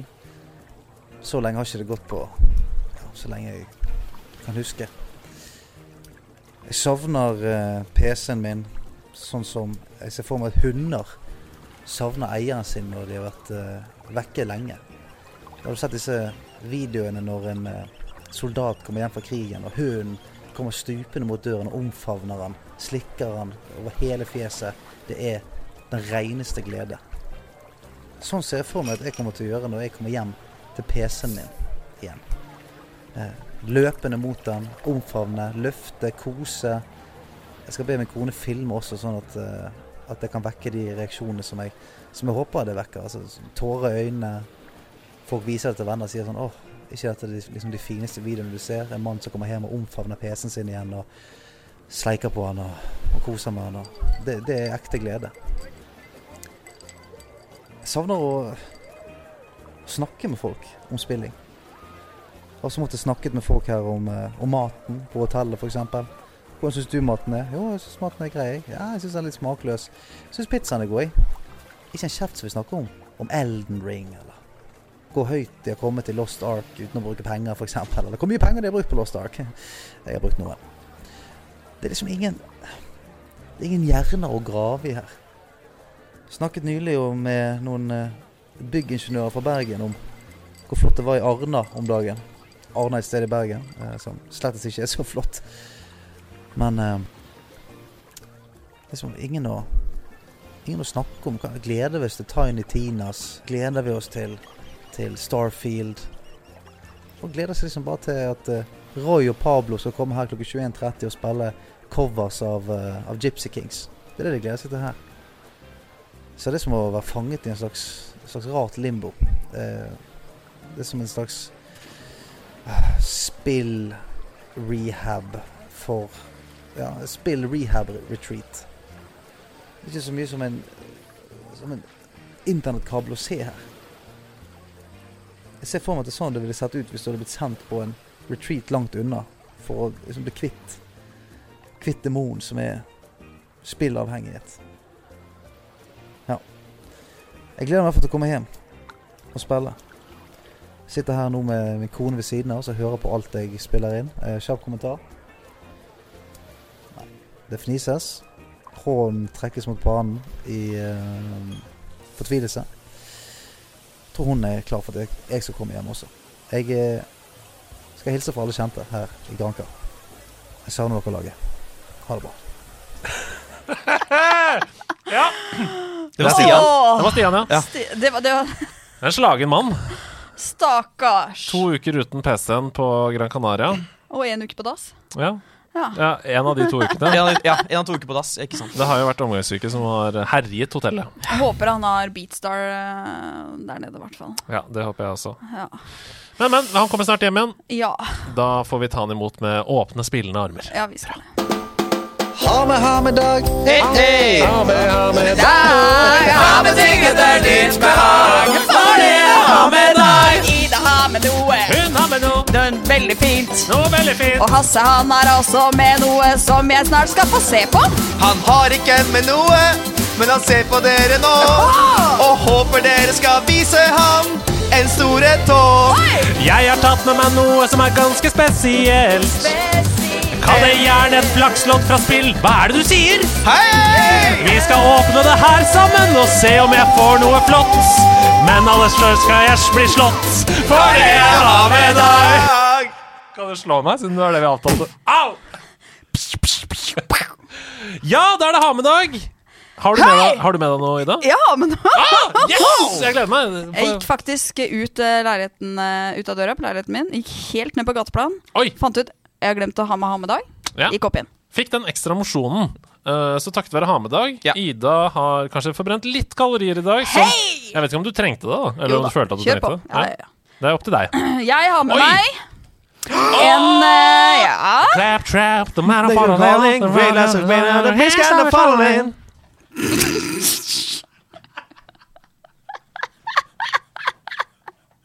Er det, er det multiside? Ja, det var multiside. Now for the dough. Det er ikke samme sang. Nei, det er ikke det. Det er claptrap vi snakker om nå. ja, ja. Eh, Hva har du med oss? jeg har med meg en, eh, en uh, Claptrap 4 inch eh, vinyl figure. Wow, Vis den til kamera til de som ser på, så skal vi ta, oss og legge, ta et bilde og legge den oppå. Se så fin den er. Den er veldig fin. Den er veldig fin. Og Og- den har jeg fått. Oi! Og det er derfor jeg har den med. Fordi um, det, er, det er et godt minne for meg. Ja. Eh, vet, husker du når jeg fikk den her, Andreas? Eh, nei Fordi den fikk jeg av deg. Nei! Jo. Hæ? Fikk du av en meg? måte. Eh, Ok, på en måte, ja. Det var bra. At det ikke var en gave som jeg hadde glemt at det het. sånn regifting. Ja. Nei, altså, jeg husker det var for eh, to-tre år siden, hvor uh, jeg var på mitt første nerdelandslaget gathering, eh, treff her i Oslo. Og da vi, var vi her på House of Nerds, og jeg hadde møtt så mye flotte, fine mennesker og blitt kjent med så mye fantastiske ja, personer. Og eh, her på House of Nerds så hadde vi en lek hvor vi skulle gå rundt og bli eh, litt bedre kjent med hverandre, og man skulle krysse av på en, en liste om liksom, har du møtt noen som snakker så mange språk, har du møtt noen, ja. Eh, og jeg eh, gjorde det ganske bra i den eh, leken, fordi jeg eier ikke skam og ikke redd for å snakke med noen. Og eh, da fikk jeg velge meg en premie, og da valgte jeg, valgte jeg den her. Så det er et eh, veldig godt minne. Stemmer det. Mitt skikkelige møte, første møte med uh, laget. Vi må beskrive den for lytterne. Ja. For det, det er rett og slett uh, en, en robot fra spillet Borderlands-spillene. Mm. Yes. Claptrap. eh, morsom, ironisk, sytete robot. Når du starter Borderlands 2, så er det jo Claptrap som møter deg i isødet, og som guider deg videre inn i veien. Og er også en øh, ja, en sentral figur i Borderlands 3, da. Absolutt. absolutt. Gøy. Syrlig jævel. Syrlig. En, eh, syrlig jævel. Ganske idiot i hodet sitt. Ja, ja. La oss ikke gå dit. La oss ikke gå dit. Jeg har med meg noe helt annet, jeg, som jeg har lagt under mikseren her. Hva har du med dere. i dag? Det, er, det må være noe lite, siden det er plass til det under der. Dette er en iconic Nei. mystery box fra Pokémon. What?! Sealed Eh, deal. Iconic mystery box er helt sjukt. Hva er det? Inni denne boksen her Det står 'look for ja, ja, grails'. ja, look for grails, ikke sant? Grails er jo det man kaller the holy grails innen Pokémon. Um, inni denne boksen her så er det et gradert Pokémon-kort. Som vil si at det har uh, vært hos PSA, CGC, BGS, uh, Beckett, en graderingstjeneste, og kommet tilbake med en karakter. Ja. Um, en av fem av disse boksene Ja. har et vintage holo Pokémon-kort. Alt dette må forklares. Vintage uh, Pokémon-kort er jo fra de første seriene. Ja. Altså Det er fra Baseset, fra Jungle, fra Fossil osv. Uh, det står bak den der We define vintage as 2004 and earlier. Så Neo Destiny og bakover. Uansett. eh, hvis det er et holografisk vintage-kort inni her, da uh, må vi juble. Ok. For Skal da du åpne Skal du- den nå?! Ja! Er du gæren?! Jeg skal åpne den nå! Første unpacking! Ja, Ok, ok. jeg skal åpne den nå. Eh, og eh, det første vi er interessert i å se Mhm. Å, jeg skjelver inni. Det første vi er interessert i å se i, er om det er eh, en PSA inni. Det er den mest kjente. Du ser ikonene på forsiden her. Den mest kjente graderingstjenesten. Da er det mest verdt. Ok. Mhm. eh, eventuelt mest sjeldent. Eh, det er helt greit om det er CGC eller andre også. Det er det første vi er interessert i å vite. Etter at vi har fått vite det, så er vi interessert i å vite karakteren på kortet. Eh, Og hvilket kort det er. Hvis det er den høyeste kvaliteten, altså en tier, så er det, det, er det helt rått uansett. Uansett hvilket kort det er. Eh, hvis det er et fantastisk kort, men f.eks. ni eller åtte, så er det fortsatt helt rått. Ja. Så nå Eh, eh, åpner jeg Det her er Schrødingers katt. Det er absolutt Det det. Ja. er så Schrødingers katt. Ja. Men du er jo en sånn fyr som liksom sier verdien av denne boksen er at vi ikke vet hva som er inni. Ja, ja, ja. og jeg, jeg liker å ha forseglede ting og sånn, men uh, når det kommer til PSA og Så- graderte kort Så er det bare å åpne. Nei, men da er det jo forseglet. Det Fordi eh, inni poeng. her så er kortet forseglet allerede. Eh, Men, men- da vet vi hva det er, da. Da vet vi hva det er. Ok, okay. Nå, nå legger jeg den ned her, og det, det første jeg skal se For jeg kan se på baksiden Mhm. hvilken graderingstjeneste det er. Så jeg skal bare se først om jeg har det opp på riktig side her. Ok, har, Det er et CGC-kort. Så det er ikke et PSA-kort. Nei, men det er fortsatt bra. Det er fortsatt veldig bra. Mm -hmm. uh, og her ser vi da kortet. Eh, jeg kan ikke vise det til kamera, Fordi da ser jeg hvilket kort det er. Sånn ser det ut på baksiden. Nå skal jeg se, eh, nå skal jeg se på baksiden hva slags karakter jeg tror dette er. Basert på uh, tilstanden. Herregud, herregud. Det ser jo veldig bra ut, da. Eh, Jeg føler at du skal legge bort den tapetkniven. Så fort ja, som det mulig. tror jeg også jeg skal gjøre. Uh, og så er det noen Det er noen fine kanter og sånn. Jeg tipper det er en nier. Nå, nå holder jeg over Oi. karakteren, sånn at jeg ikke vet hva det er. Det er en Å, det er en Bulbasaur! Bulbasaur! Vi har fått en Bulbasaur! Jeg har fått en Bulbasaur fra Og det er en nier! Og det er fra 2002! Oi, Det er fra. Expedition-serien. En Bulbasaur CGC 9. Det er altså. Fantastisk! Gratulerer. Kjempegøy! Det kunne vært en uh, holographic Charizard. Da hadde jeg slutta episoden her og nå. Ja. Men det var det ikke. Det er uansett et veldig fint tilskudd til samlingen. Det var min ha med i dag. Jeg åpna den sammen med dere. Åh, Det der, altså, det der var spennende. Er ikke det gøy? Det er kjempegøy. gøy.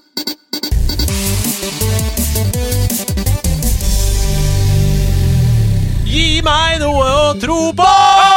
Mitt navn er Andreas Hedman, og dette er Nerdenytt. Allerede i mars 2020 gjorde CD Projekt Red det fullstendig klart at arbeidet med et nytt The Witcher-spill hadde startet som smått, men de ønsket ikke å avsløre mer enn det på den tiden.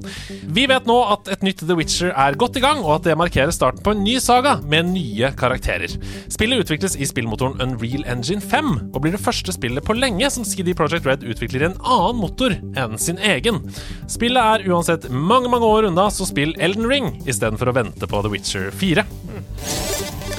Epic slår på stortromma og donerer alt overskudd de får inn fra Fortnite de neste to ukene, altså helt til 1. april, til organisasjoner som jobber med humanitært arbeid i Ukraina-krigen. Dette starter søndag, og i løpet av den første dagen så ble det samlet inn mer enn 317 millioner kroner.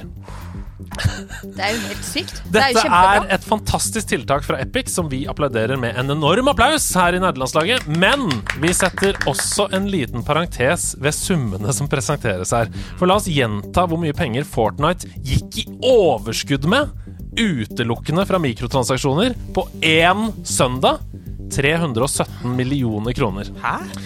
Hvis vi trekker fra den veldedighetseffekten som er her, så runder det kanskje ned til 200 millioner kroner, og ganger det med 365 dager i året, så går Fortnite med 73 milliarder kroner i overskudd i året fra mikrotransaksjoner alene. Det er, det, er, det er sykt. Det er verdt å tenke litt over. Ja. Elden Ring har ikke overraskende vært en enorm suksess. Spillet har de tre ukene det har vært i salg, solgt hele 12 millioner eksemplarer! Sammenlignet med alle de andre spillene i FromSoft-serien, så er allerede Elden Ring det mest solgte spillet. Andreplass på lista er Dark Souls 3, som solgte 10 millioner eksemplarer til og med mai 2020. Det er utrolig at denne introverte serien for spesielt interesserte har vokst til å være en av spillverdens største merkevarer. Ok, ukas hovedsak, um, som vi skal diskutere litt. Og dette er jo personlig veldig trist for meg, uh, og nok et skudd for baugen for mitt engasjement for good guys i spillbransjen og spillbransjen generelt. Men Gran Turismo 7 er en brennende søppelhaug om dagen. OK. Eh, Det er bare noen uker siden spillet kom, men de tingene som vi skal snakke om nå, de oppdaga jo ikke jeg da jeg anmeldte spillet. Fordi balansen var en annen før release. Eh, problemet er at de har gått inn og justert økonomien i spillet etter launch. Sånn at det tilsynelatende skal være mye mer fristende å bruke penger på mikrotransaksjoner. Mm. Du har fått med deg litt om dette, Hasse. Har du lyst til å si noe kjapt først? Hva det, hva det er det går i, liksom? Hva det er de har gjort? Nei, så, Så vidt jeg har forstått det, så det det går i, er at øh, den versjonen av spillet som anmelderne fikk, og som de da baserte sin anmeldelse på, var en versjon der øh, det kostet så og så mye eh, Eller du måtte spille så og så mye, du måtte grinde så og så mye for å kunne kjøpe bra biler. Mm. Og så, etter anmeldelsen har kommet ut, og de selvfølgelig er panegyriske og alle eh, elsker det, så har de patcha det eh, sånn at det plutselig koster veldig, veldig mye mer å kjøpe bilene, som gjør at folk må bruke ekte penger for å kunne kjøpe det. Ja, De har både skrudd opp prisene på bilene, men de har også skrudd ned premiepengene fra løp. Jeg syns det er så sinnssykt eh, Ja.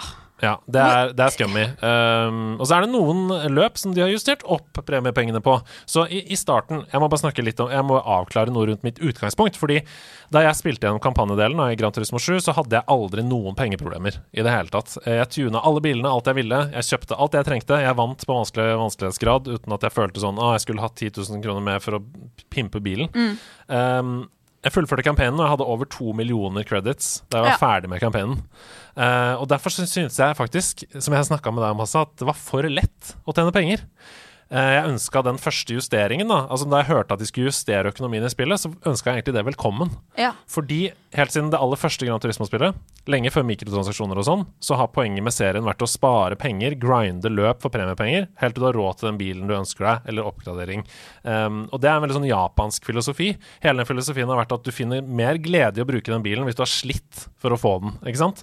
Uh, og sånn har det vært siden, eh, siden 1996, ikke sant. Så det er lov at man som spiller føler at det kanskje høres kjedelig ut, men det grepet i seg selv, det er en designfilosofi. Det har ikke noe med mikrotransaksjoner å gjøre. Så derfor så ble jeg glad, jeg, når jeg hørte at uh, ja, det skal bli litt vanskeligere å få penger og, og sånn, fordi OK, men det er jo sånn det alltid har vært. Greit. Men det som det derimot har ført til, det er en funksjon som jeg ikke la merke til at mangla engang da jeg anmeldte spillet, fordi jeg ikke hadde behov for den. I Gran Turismo 7 så går det ikke an å selge bilene sine fra garasjen. Og det har det gått an å spille helt fram til Gran Turismo 4, googla jeg meg fram til. Og det betyr jo at masse biler du får som du aldri kommer til å bruke, de blir bare en del av samlingen din. Mens tidligere så har du kunnet selge biler for 100 000, 150 000 og bruke de pengene til å reinvestere, ikke sant? Ja. Men når du ikke kan selge biler, så må du jo grinde enda mer for å få penger eh, til de bilene du ønsker deg. Og det gjør meg ganske sikker på at de justeringene jeg har gjort nå, handler ikke om pacing, det handler om Det mikrotransaksjoner. handler om Ja. Og det er jo drit, da. Det er jo kjempedrit. Hvorfor, hvorfor må de ødelegge hvor, hva, Hvorfor må de være så griske? Jeg syns det, er det er rart at man fortsetter å gjøre det, for dette er noe man liksom har hørt om i mange mange år. At det har vært mange sånne caser, annet med, med Battlefront 2 Star Wars til EA, og de fikk masse kritikk for det, og forandra på det. Eh, men at de fortsetter å, å gjøre det og tro at det er noe vi ikke kommer til å liksom reagere på, eller tro at det er bare noe som de kan liksom gjøre uten at vi legger merke til det, virker det nesten som, det syns jeg er så rart. Fordi det backlashet de får altså, Hva er eh, Gran Turismo nå nede på i, på Metacritic, liksom? I, På på, user scores? score, scores? Kjempelite.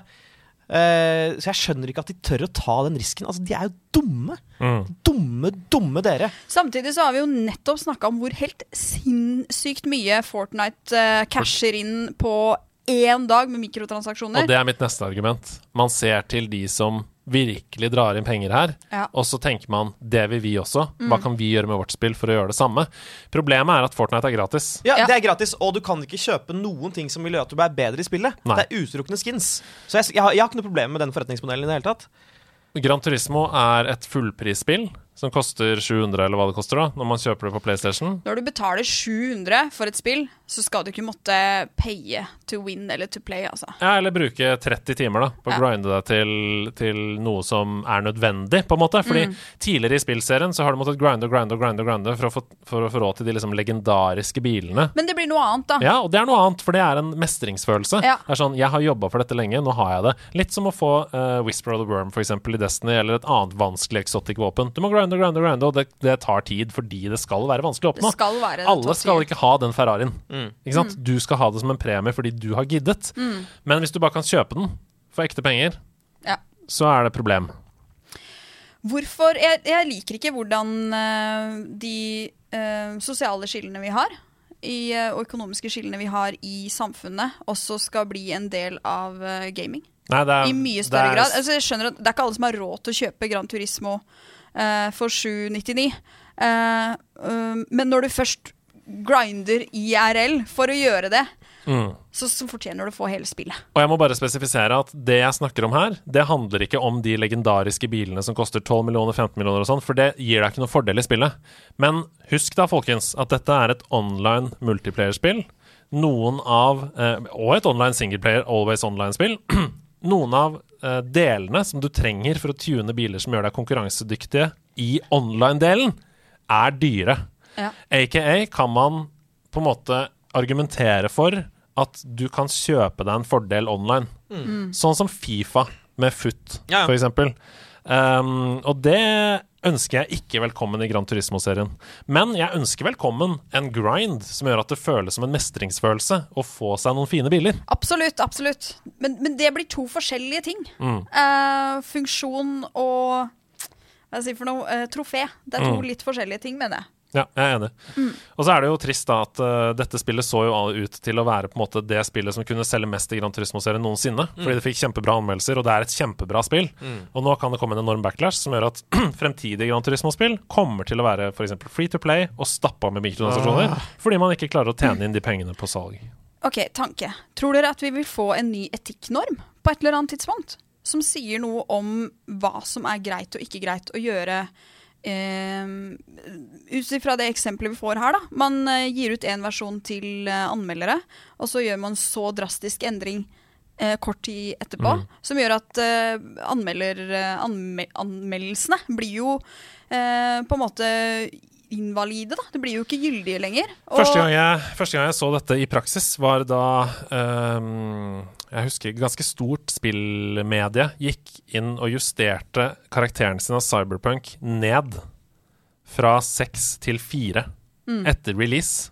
Fordi de spilte det på andre plattformer, Mm. og ikke bare på den plattformen de hadde spilt på, og så hvor ræva opplevelse det var på andre plattformer, og justerte da eh, i bakkant ned karakteren. Mm. Um, jeg har verken tid eller ressurser til å spille hele Gran Turismo på nytt med økonomien som er i systemet nå, men hvis jeg hadde 100% jobba som spillanmelder, så ville jeg sannsynligvis gjort det nå, og gitt en ny karakter basert på den opplevelsen. Men hva er vitsen med å drive og gi ut uh, anmelderkopier uh, og uh, Early Access hvis det bare fører til at ah, nei, da må alle anmeldere spille det en gang til? Det, det er jo fordi ikke de sier det samme som meg, da. Ja. Vi har ikke tid til å gjøre det en gang Ikke til, sant? så den karakteren står, og så er det falsk markedsføring. Vi trenger en etikknorm. Mm.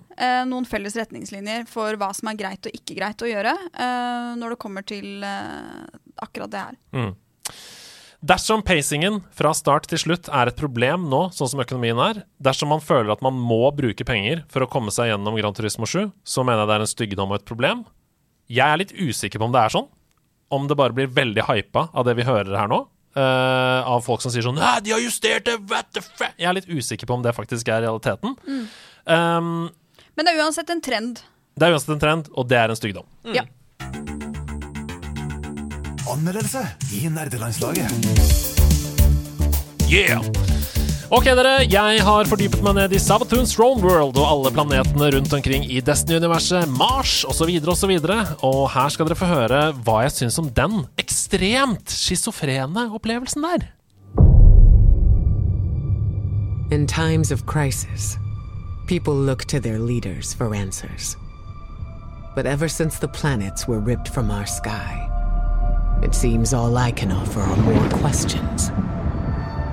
And now, with Mars returned, I hardly know where to start. Destiny 2 The Witch Queen er et vanskelig spill å anmelde. For hvem er det som egentlig skal få noe ut av denne anmeldelsen? Jeg har nemlig sjelden i mitt spilliv vært borti et spill som er så tydelig laget for én type spiller som Destiny 2.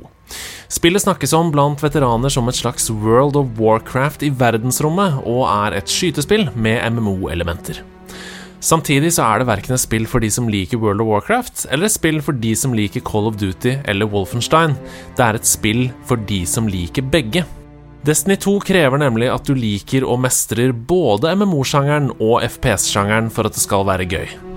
Med andre ord så er Destiny 2 et spill for de som både er gode til å sikte, skyte på og tracke fiender, som i nevnte FPS-spill, og for de som er gode til å forstå og fordype seg i en rekke ulike systemer, undermenyer og mekanikker sammen med mange andre i en klan, som et MMO.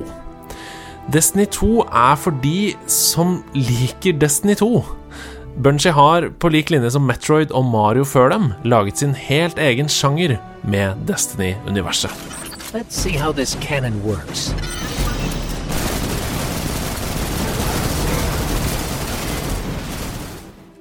The Witch Queen er den fjerde store utvidelsen til Destiny 2, og inneholder sesong 16 19 i det snart fem år gamle spillet.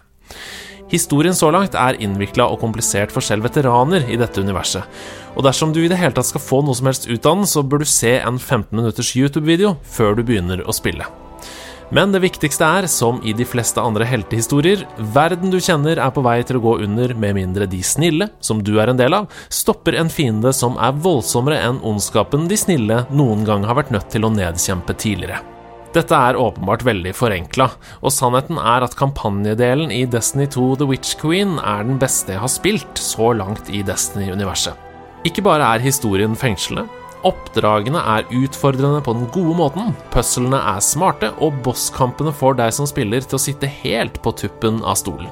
Her har Bungie åpenbart lyttet til feedback fra spillere verden over, og hentet hjem kreativiteten og overskuddet fra raids for å inkludere det i kampanjen. Light-bearing hive, complete with their own ghosts. I have seen this. But how? We're in a new paradigm now, Guardian, where the boundaries between are becoming increasingly blurred, especially between what's right and what's wrong. Raids, sier du? Hva er det? Destiny 2 er et game as a service, som vil si at spillet er designet for å holde på deg som spiller, med stadig nytt innhold i det samme universet.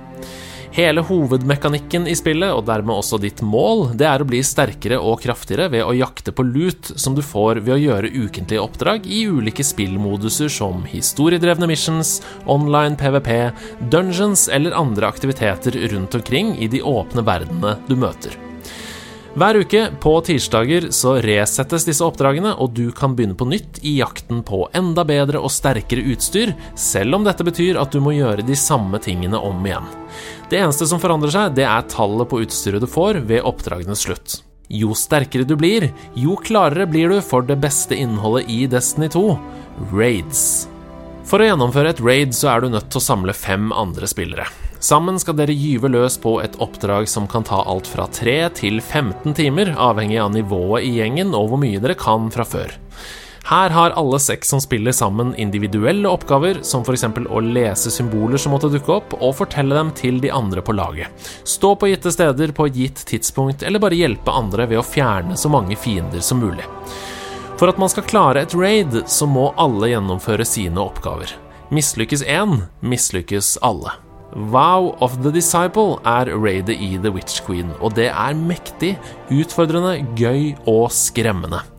Jeg har nå gjennomført fire raids i Destiny 2, og dette er nok det beste jeg har spilt. Med andre ord så er det motiverende å grinde seg gjennom oppdrag på oppdrag for å nå målet og spille det beste innholdet The Witch Queen har å by på. Sabathun stole the light. But that's impossible, isn't it? Impossible. With Savathun, nothing is impossible. At hele The Witch Queen er laget på hjemmekontor, det er nesten uforståelig, for det ser fantastisk vakkert ut og er så å si bugfritt. Musikken er noe av den beste som er komponert i serien så langt, og de nye våpnene du får leke med i utvidelsen, er både kraftige og givende å reloade. Det er enkeltøyeblikk i denne utvidelsen som får deg til å legge fra deg kontrollen og beundre det du ser. Jeg glemte bokstavelig talt å puste ved flere anledninger og tok meg selv i å måpe mot skjermen. Jeg har med andre ord hatt det veldig gøy med Destiny 2 The Witch Queen i de 50 timene jeg har spilt. Og likevel så kan jeg ikke anbefale dette spillet for majoriteten av dere som lytter til nerdelandslaget. Destiny 2 er nemlig litt som et vennskap med en gjennomsnittlig nordmann. Introvert og forsiktig i begynnelsen, men som åpner seg og gir deg gode opplevelser med tiden. Hvis du aldri har spilt Destiny før, så vil jeg påstå at det er umulig å skjønne noe som helst i det du setter i gang med The Witch Queen. Jeg vil påstå at mange vil slite med å i det hele tatt starte oppdrag nummer tre i historiedelen dersom de begynner sitt Destiny-eventyr med The Witch Queen. Hvis du som hører på nå er ny til Destiny-serien, så kan jeg rett og slett ikke anbefale deg å spille denne utvidelsen. Det oppleves for meg som om det toget er gått nå. The Witch Queen er ikke et spill for nye spillere. Det kan til nøds gå dersom du blir en del av en klan og kan spille sammen med andre som kan bruke åtte til ti timer på å forklare deg alt du trenger å vite, slik at du ikke føler at du har gjort noe feil. Og her kommer det neste du er nødt til å være obs på. Destiny 2 er så grunnleggende bygget rundt å spille sammen med andre at det ikke kan anbefales å spille alene. Å spille The Witch Queen alene det føles nesten, men bare nesten, som å spille It Takes Two alene med to håndkontrollere. Det er uforløst, repetitivt og ensomt. Destiny 2 er ikke et singleplayerspill. At Bungie ikke er tydeligere på dette i kommunikasjonen rundt spillet, oppleves for meg nesten som villedende markedsføring. Jeg skal derfor gjøre noe som jeg aldri har gjort tidligere, og som jeg tviler på at jeg kommer til å gjøre igjen. Jeg skal gi Destiny 2 The Witch Queen seks ulike karakterer. Så schizofren er nemlig denne spilleopplevelsen. Bruk gjerne den inndelingen til å finne ut om spillet er for deg. The questions just keep piling up. It seems the answers are buried within Savathun's throne world. I need someone to go in and dig them up. Guardian, how do you feel? Jeg har aldri spilt Destiny før, og jeg kommer til å spille alene. 41 av 100. Jeg har aldri spilt Destiny før, og jeg kommer til å spille sammen med venner. 70 av 100. Jeg har spilt Destiny før, og jeg lurer på om jeg skal vende tilbake. Jeg skal spille alene. 75 av 100. Jeg har spilt Destiny før, og jeg lurer på om jeg skal vende tilbake. Jeg skal spille sammen med venner. 85 av 100. Jeg har spilt alt som har kommet i Destiny-serien fram til nå, og skal spille The Witch Queen alene. 80 av 100.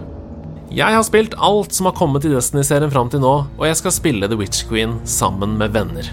91 av 100.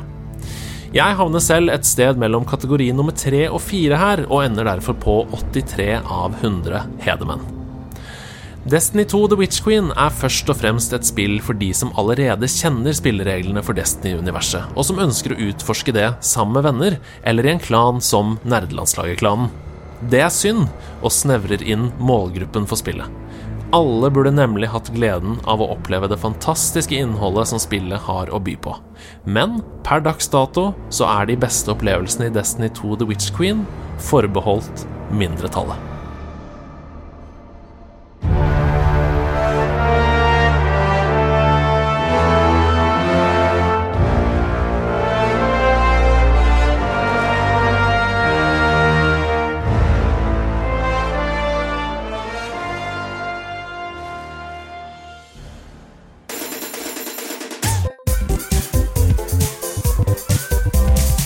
Karakterkortet. Se på Ida Dorthea Horpestad, hun gnir seg i fjeset, for dette er ikke noe gøy. Nei, ikke Nå gøy, altså. skal Ida Dorthea Horpestad nemlig innta en deilig spillkarakter. Hasse, Ja, dette er jo en av dine favorittspalter. det jeg elsker det. Fortell hvorfor og hva du gleder deg til nå i dag. det det som er veldig gøy, er at dette er en, en spalte der eh, vi eh, skal spille en spillkarakter. Og det er, noe, det er noe av det gøyeste jeg vet å gjøre. Både å spille det og intervjue folk som er det. Og jeg, jeg, jeg syns det, er- jeg det er noe av det gøyeste jeg vet. Jeg angrer så sinnssykt på at jeg bare Jeg vil ta karakterkortet denne uka. Ja, For du var veldig Jeg gira var på det veldig for på. fem dager siden. Ja, jeg var supergira. Og så Jeg var, levde liksom på den Pikachu-hypen. Eh, og Ja, for du fikk jo sekser sist gang du var her i studio. Jeg gjorde det, og, og så har jeg Og denne gangen har jeg tatt Raichu. Raichu. han er- og, så, og så kjente jeg i dag at uh, Oi da, du har egentlig ikke forberedt deg så veldig mye. Og Ja, Det, er, det er vanskelig. Og det, som er, det jeg merka litt er problemet med, med, for min del i den spalten her, er at det er veldig Det er ikke så mange eh, kvinnelige eh, spillkarakterer.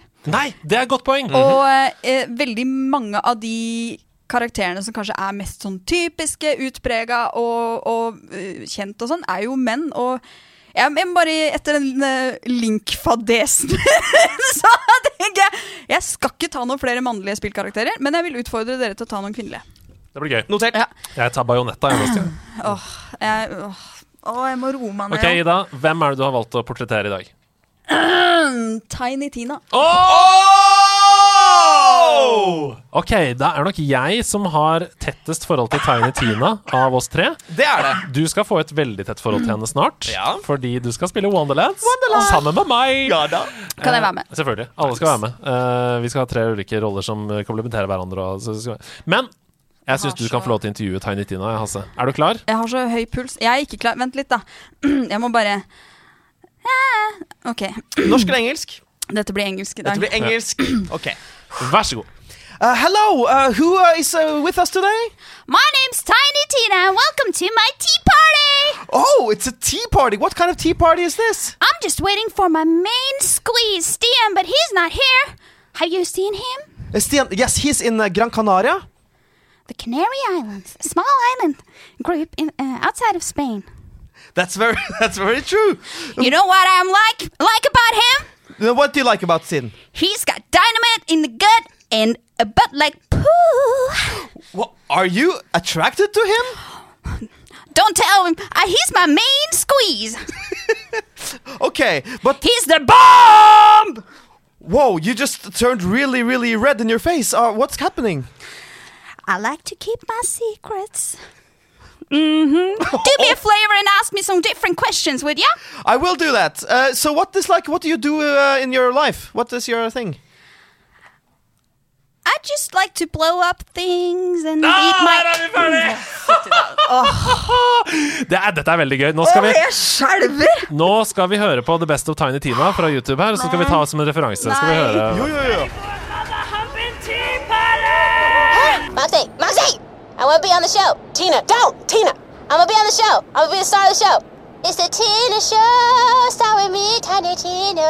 Det er jo kjempebra! Det er jo, hø, du hører du dette? Jeg, jeg, jeg, jeg er i sjokk. Jeg husker ingenting av hva jeg nettopp har gjort. Jeg bare følte at det var mm, Jeg følte at det ikke var Nei, fordi, altså, da du begynte å spille, så, så lurte jeg på om du spilte av et utdrag som vi ah, det dere er er altfor snille med Nei, det er ikke kødd. Nei! Det er ikke kødd. Tea party! Den derre den derre- Den er Ja. veldig, veldig bra. Det, det, det er dritbra! Det er kjempebra. Du har ingenting å være bekymra for. Eksaminant, gå ut på gangen. Nå skal vi Ha det diskutere. Det er jeg som er kandidat. Eh, Du er kandidat. Gå ut. Jeg syns egentlig det var ganske dårlig. Jeg syns det var ræva. Nei, nei da. OK, eh, for det første. Ja. Stemmen er jo veldig spot on. Stemmer kjempebra. Hun har hele dynamikken fra til Hvis jeg hadde hørt på en måte Hvis jeg hadde lukka øynene og blitt presentert for dette på en quiz, at hun skulle stå på en scene og sagt det, så hadde jeg skjønt at det var Tiny Tina. Ja. Og det skal ganske mye til. Det skal det absolutt. Så det synes jeg var veldig bra. Ja. Uh, innholdsmessig, hun sa jo dette med The Bomb, for eksempel. Ja. At det smeller ting og Main squeeze. Main squeeze, det er hennes catchphrase. Ja, blant annet. Ja. Og hun var Um, keen på Stian. Mm. Er hun eh, Jeg vil si at Tarantina er en eh, sensuell, eh, forførerisk kvinne. Nei, hun, jeg opplever henne litt som aseksuell, Okay. men uh, kanskje at hun forstår at hun kan bruke det som et våpen. Ja, ja, ja, kynisk. Ja. Eh, men jeg syns det er veldig bra. Altså, det, er synes det er veldig bra. det, mangler, altså, det er en god på en måte, imitasjon, Mm. men det mangler det altså, Da hun var Pikachu, så følte jeg at hun tok på en måte Pikachu til seg sjøl og fikk følelser ut i Altså at det, jeg opplevde At ting hun som jeg var Ja! Pika? jeg opplevde at det var en slags method acting. Hun, Mhm. to, hun, hun var Pika og svarte som Pika, men her Ja. var det Ja. Vi må ikke glemme at intervjueren eh, også kan kritiseres. Eh, det var ikke de beste spørsmålene jeg har hatt i mitt liv. Ikke, jeg har ikke spilt den delen av Borderlands 2 som hun er, er i. Mm. Eh, så det, det skal legge, legges til grunn. Det skal jeg huske på når jeg gir karakter. ja. Nei, jeg har bestemt meg i hodet mitt for en karakter. Jeg også det. Ok, hva gir du? Rar stemme du plutselig fikk. Jeg. Ja, men nå har du kommet inn Nå har du kommet inn igjen. Ja, Velkommen ja, takk, takk. Uh, ja, vi, uh, sensor og, eksamen, og eksaminator har bestemt seg for hver sin karakter. Hver sin karakter. Sånn er det nemlig her at du får ikke én, du får Nei. to karakterer. Og så blir det gjennomsnitt av det. Ja. Mm. Jeg gir deg den følgende karakteren. En helt 100% ren femmer. Jeg òg! Eller som Tusen takk! Eller som Tiny Tina ville sagt Well, actually, surely what you're saying is a balderdash of ox's feces, sausage tissue, urine talk. On, on the contrary, no, no, no, no. I beg to differ! De nerde strides. Ja, ja, ja, ja, ja. Og Tiny Tina hun har tatt med seg en, eh, en, eh, en kontroversiell mening i dag. Nei da, det er ikke Tiny Tina som har det, det er Ida. Det er meg. Men du er tilbake her nå. Er Tina er ute av kroppen din.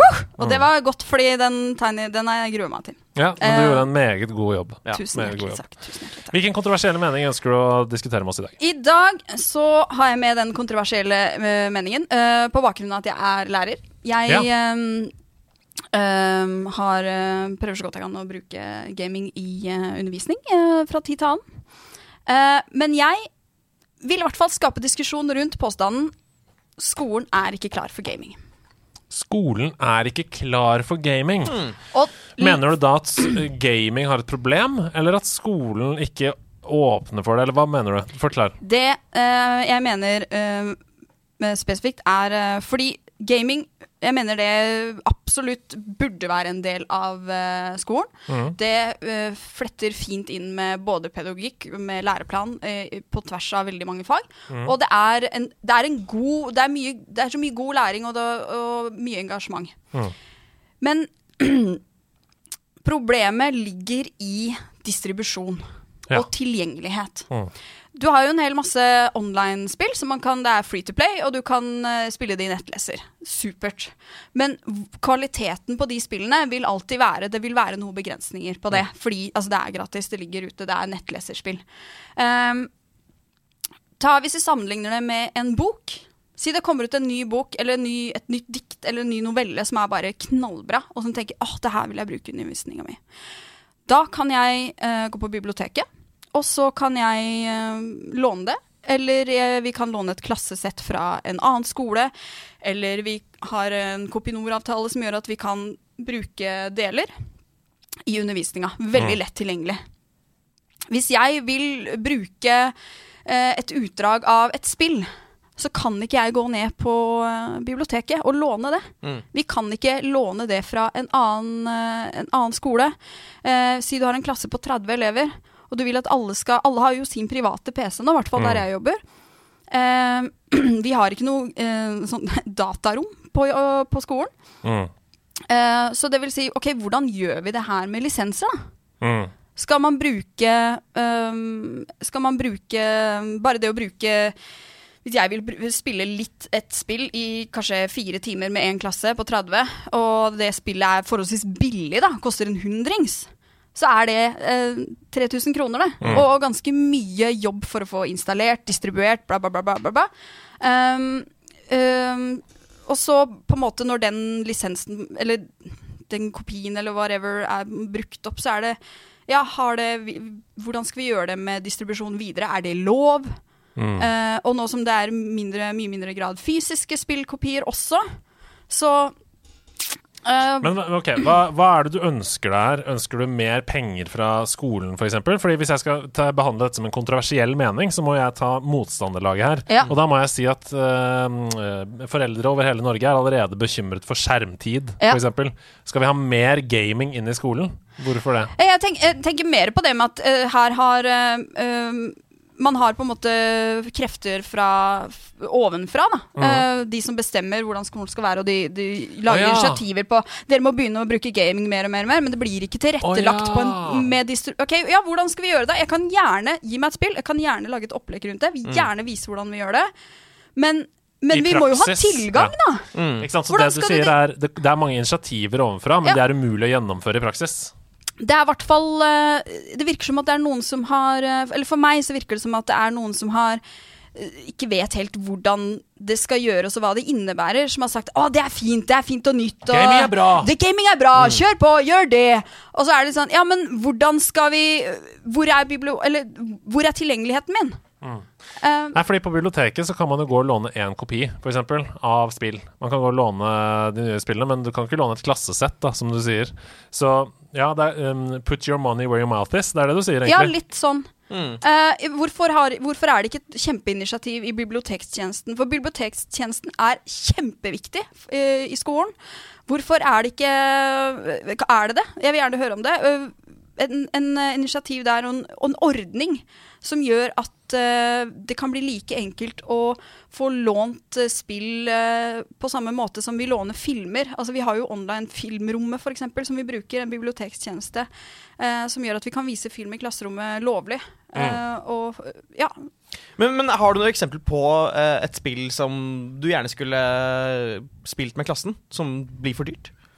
Ehm, uh, som, det hadde vært kjempekult å kunne spille som historiespill. Sånn Mm. som, eh, for vi skal jo analysere Assassin's Creed, og sånn. for eksempel, Odyssey. Assassin's Creed, Mm. Eller hva med for eksempel eh, The Last of Us? Mm. Kunne vært, det, er, det er masse Når vi uh, analyserer virkemidler i, i historiefortelling Kjemperelevant. Det er masse spill å ta her. Og da blir det litt sånn OK, hvilke hvilke OK spill Eller fins det noe her, Nå kommer det sikkert mange som tenker sånn Ja, det fins jo masse, du bare vet ikke. Ja. Helt fint, men jeg håper dere skjønner problem jeg prøver Ja, ja, ja. å sette lys på her. Og det er jo sånn, eh, Initiativet kommer ofte fra spillutviklerne selv. F.eks. My Child Lebensborn, Mm. som er et norskutvikla spill som tok helt av etter at det trenda på TikTok. Eh, de har jo lagd utdanningsversjoner der hvor man kan selge et helt klassesett for, eksempel, for en veldig rimelig pris. da. Mm. Eh, sånn at eh, klassene kan ta det i bruk. Jeg tror nesten det til og med er gratis på Mm. noen tidspunkter. Um, og, og det er veldig synd at det initiativet skal hvile på utvikleren selv. Mm. At det ikke fins en eller annen innkjøpstjeneste, f.eks., Ja. Sånn som bibliotekstjenesten eller noe lignende. Mm. Enig. Spennende diskusjon. Veldig. Og jeg håper jo at det sitter noen politikere sånn som Grunde Almeland eller Freddy André Kjensmo? Nei, Kjernsmo? Din venn Freddy André. Jeg husker ikke. Nei, Fre eh, Vi har aldri møttes, i SV. men- Freddy André. Eh, og Men er hører på, og kan da pushe gjennom et eller annet som gjør at vi kan eh, enklere eh, på en måte mm, tilgjengeliggjøre spill da, i undervisningen. Ja. Gå lydplanken! Dere to små ekle saltvannsfisker. Nei, Ja, nei. du er en liten krabbegutt. Ja, jeg vil ikke være med på lydplanken. har en veldig stor krabbegutt. Åh. Du har ikke noe valg, Hasse. Du må være med på lydplanken. Eh, Ta på deg flytevest og noe svømmeføtter. Da er det ikke noe farlig lenger. Nei, det er ikke det. I går lydplanken så konkurrerer dere mot hverandre i tre forskjellige eh, stykker. Musikkstykker. Det, kan være, det kan være også lydeffekter. Denne gangen eh, Vi sier hver gang det kan være lydeffekter. Forbereder aldri lydeffekter. Nei, så la oss ikke si det lenger. Nei, det er tre musikkstykker fra spill, og dere skal rope ut navnet når dere vet hvilket spill det er vi skal frem til, og så kommer det et oppfølgingsspørsmål da, knyttet til det spillet. Og aller først så er det bare førstemann, Mhm. eh, eller første kvinne. Rop eh, navnet ut når dere ja, Ida. Du heter Ida, ja. Når dere vet hvilket spill det er jeg spiller av musikken fra her.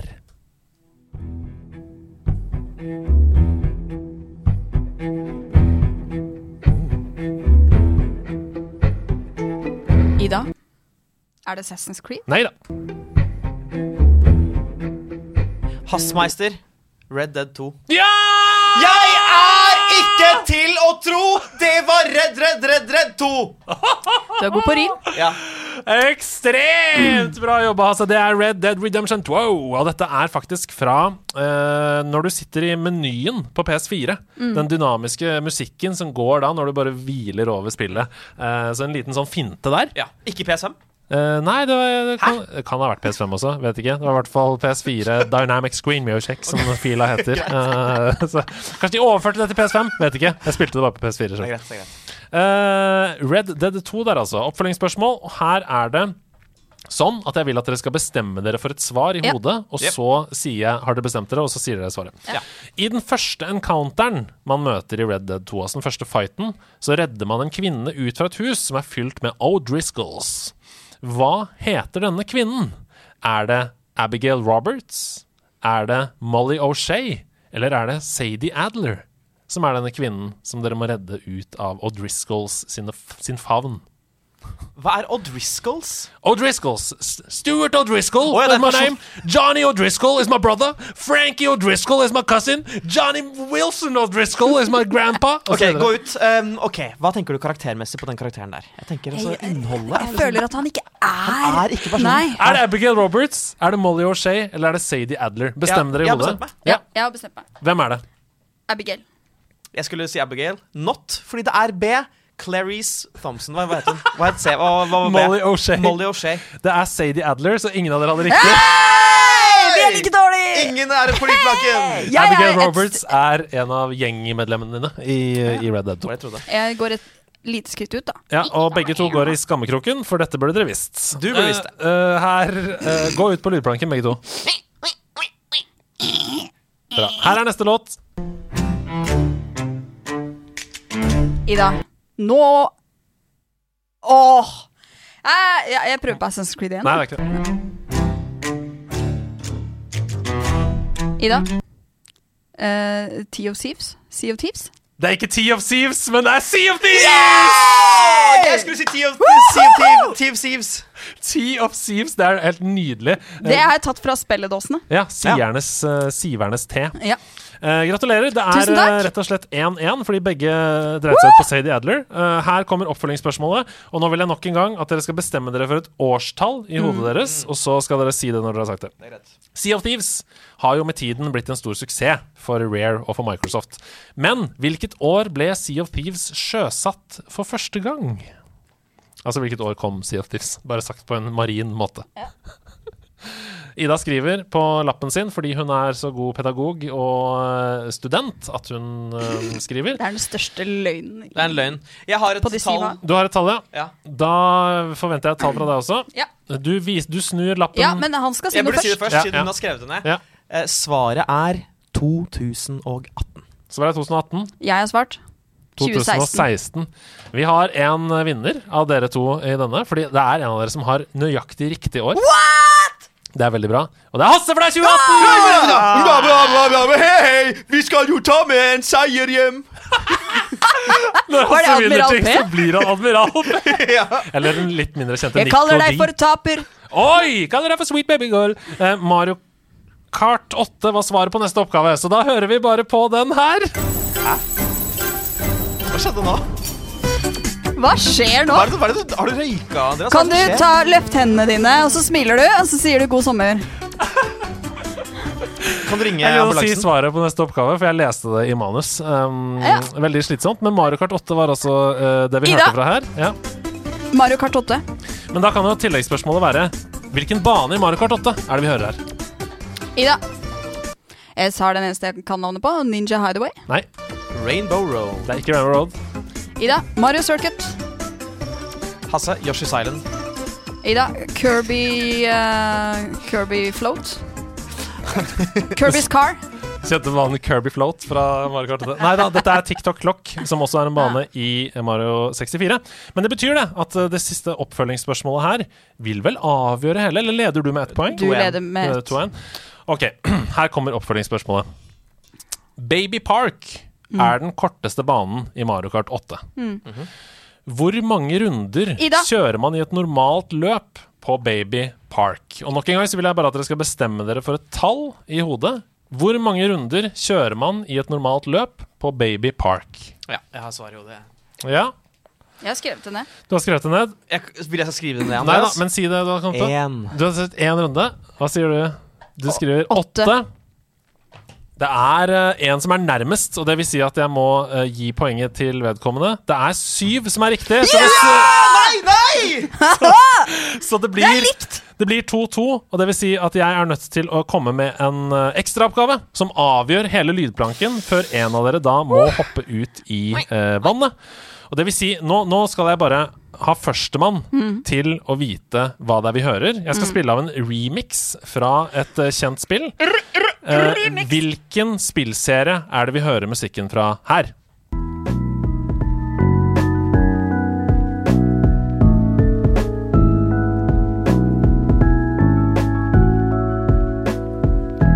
Ida. Selda. Nei. Hasse, Life is Strange. Nei. Det er en remix, en lo-fi-remix. Jeg kan si at denne musikken er i alle spillene i denne serien. Og den er når du kommer inn i en Ida. slags Pokémon. Ja, det er riktig! Ida! Jeg skal Her er det bare å ta på seg svømmeguttene, Dette er Pokémon Center-musikken, som jo kommer Ja når du da. skal heale Pokémonene dine, f.eks. hos eh, Ja, det er helt riktig. Ja. Altså, gutt, det er bare å gå lydplanken. Jeg vil ikke hoppe fra dette denne planken her. Du må hoppe, din lille kujon!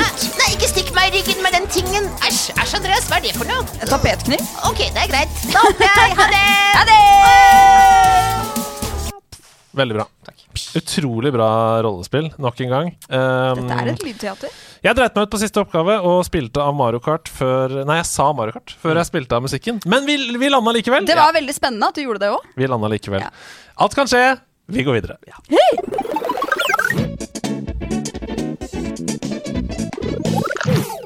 Pokey i posten. Hasse spiller masse lufttrommer, selv om det ikke er trommer på tracket før nå. Det er veldig, veldig gøy. Uh, min, ja, det er jeg som har poker i posten denne uka. Ja. Ja. Uh, og den går til noe veldig spesifikt. Og det var gøy at du nevnte det i stad, Hasse. Fordi den poken jeg skal gi nå, den går til user scores. Hei! Rett og slett. Og jeg, okay. er, jeg er utgangspunktet veldig for demokratiserende løsninger. Der hvor liksom spillere, menigmann, har muligheten til å gi sin mening. At vi ikke bare skal høre på anmelderkorps og sånn. Men i de aller fleste tilfeller der det er mulig å gi user scores, så blir de ofre for review-bombing. Metacritic, IMDb når det kommer til filmer, uh, Steam osv. Uh, av grunner som ikke nødvendigvis har noe med kvaliteten på innholdet å gjøre. Og Det ender bare opp med da at det blir en krig mellom de som liker spillet, og de som ikke liker spillet. De som liker spillet, gir det 10, 10, 10, 10, 10. De som ikke liker spillet, 1, 1, 1, 1, 1, 1. Selv om spillet er verken en tier eller en ener. Det er kanskje 6,5, for eksempel. Men da Um, funker det jo greit, da, hvis du havner på midten. og det, av nei, det gjør ikke det! Det gjør ikke det! Fordi det, eh, det blir bare et tegn Userscoren blir bare et tegn på at det er noe galt med spillet akkurat nå, i øyeblikket, som vi snakker om det. Eh, eksempelvis Cyberpunk, da. Eller Elden Ring. PC-versjonen av Elden Ring har 6,8 på Metacritic. ja. Og det er ikke et 6,8-spill! Elden Ring. Det, og jeg, jeg spør dere nå her. For det første, jeg hater dette. Jeg hater at det blir sånn. Det blir en polarisert greie hvor noen sier det er dritbra. Nei, det er dritt. Fuck deg. Det blir bare sånn veldig polarisert. Um, per dags dato så opplever jeg at Usen Score sjelden har en nyttig funksjon. Jeg ser ikke på det i det hele tatt. Jeg bryr meg ikke om det. Hvis jeg skal se på metakritikk eller sånn, så ser jeg på det anmelderne mener. Jeg Mm. ser ikke på hva folk mener. Eh, så hvordan kan vi gjøre noe med dette? For jeg vil jo selvfølgelig eh, være opptatt av hva folk mener også.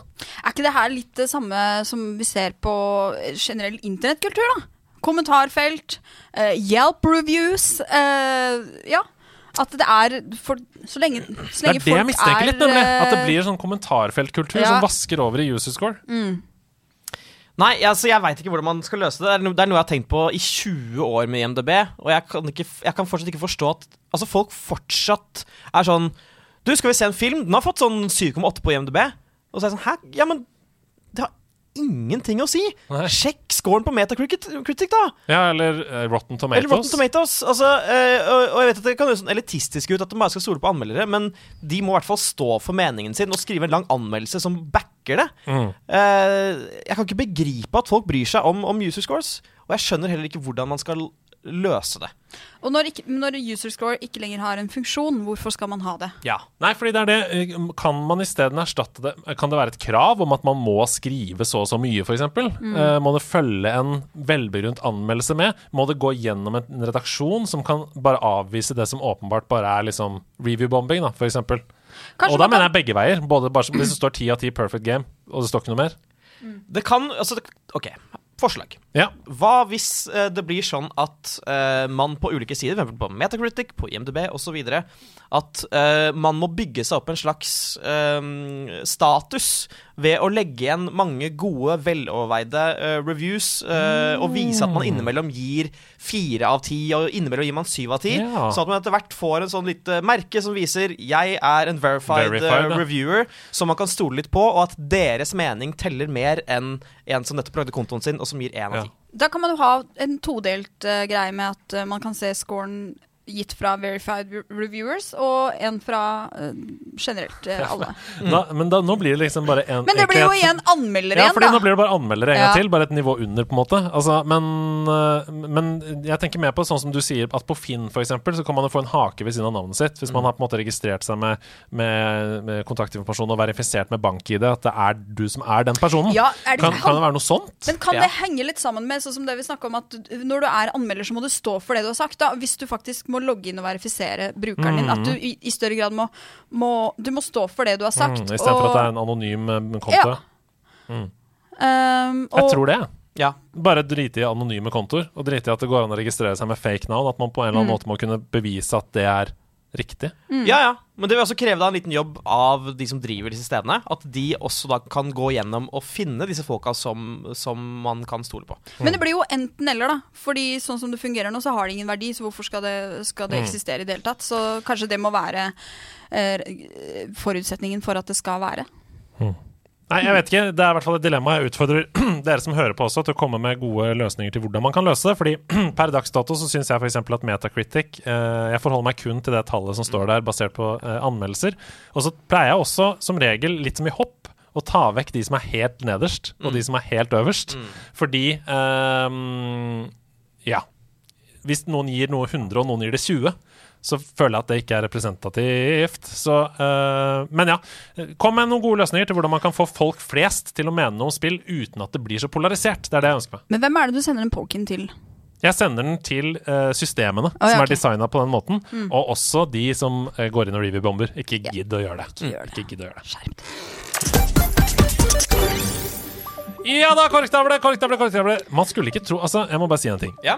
Når jeg går på Instagram, og så legger jeg ut et bilde av f.eks. dere to, så vakre fjes, eller en liten video av meg selv på Story, og sier denne uka her så er det Hasse og Ida som skal være uh, i nederlandslaget, f.eks., Ja. så får vi mange, mange flere spørsmål enn hvis det er en gjest. What?! Det er jo helt rått. Det er veldig koselig. Det betyr at vi er interessante. Ja, dere syns vi er interessante. Og derfor så må vi bare gønne på, for det har kommet dritende spørsmål. Jeg syns det er veldig urettferdig å ikke ta så mange som mulig, så jeg har satt av litt ekstra tid til dette uh, i dag. Go, go, go, go. Så først så skal jeg bare si at vi skriver opp absolutt alle spørsmålene dere sender inn, inn i et dokument. Så hvis ikke ditt blir lest opp, så ikke fortvil. Det kommer mest sannsynlig uansett i løpet av fremtiden. Nylig så leste jeg f.eks. opp over et ett år gammelt spørsmål. Ja. Et som er l veldig gammelt. Ja. Så ikke fortvil. Um, Aller først så var det en milliard folk som spurte hva som var i hengeren min, siden jeg sa 'lurer på hva som er i hengeren'. Hør på hva du har i bagasjen. Eh, så jeg må bare svare på det først. Hageavfall. Det var hageavfall jeg hadde i hengeren. Okay. Her er første spørsmålet. Jeg har en kompis som ble lagt inn på sykehuset nå. Han skal ha full motoroverhaling og oljeskift, så han blir liggende noen uker. Eh, han har en Switch og mobil. Har dere noen tips til spill for å få tiden til å gå? Hilsen Åsmund.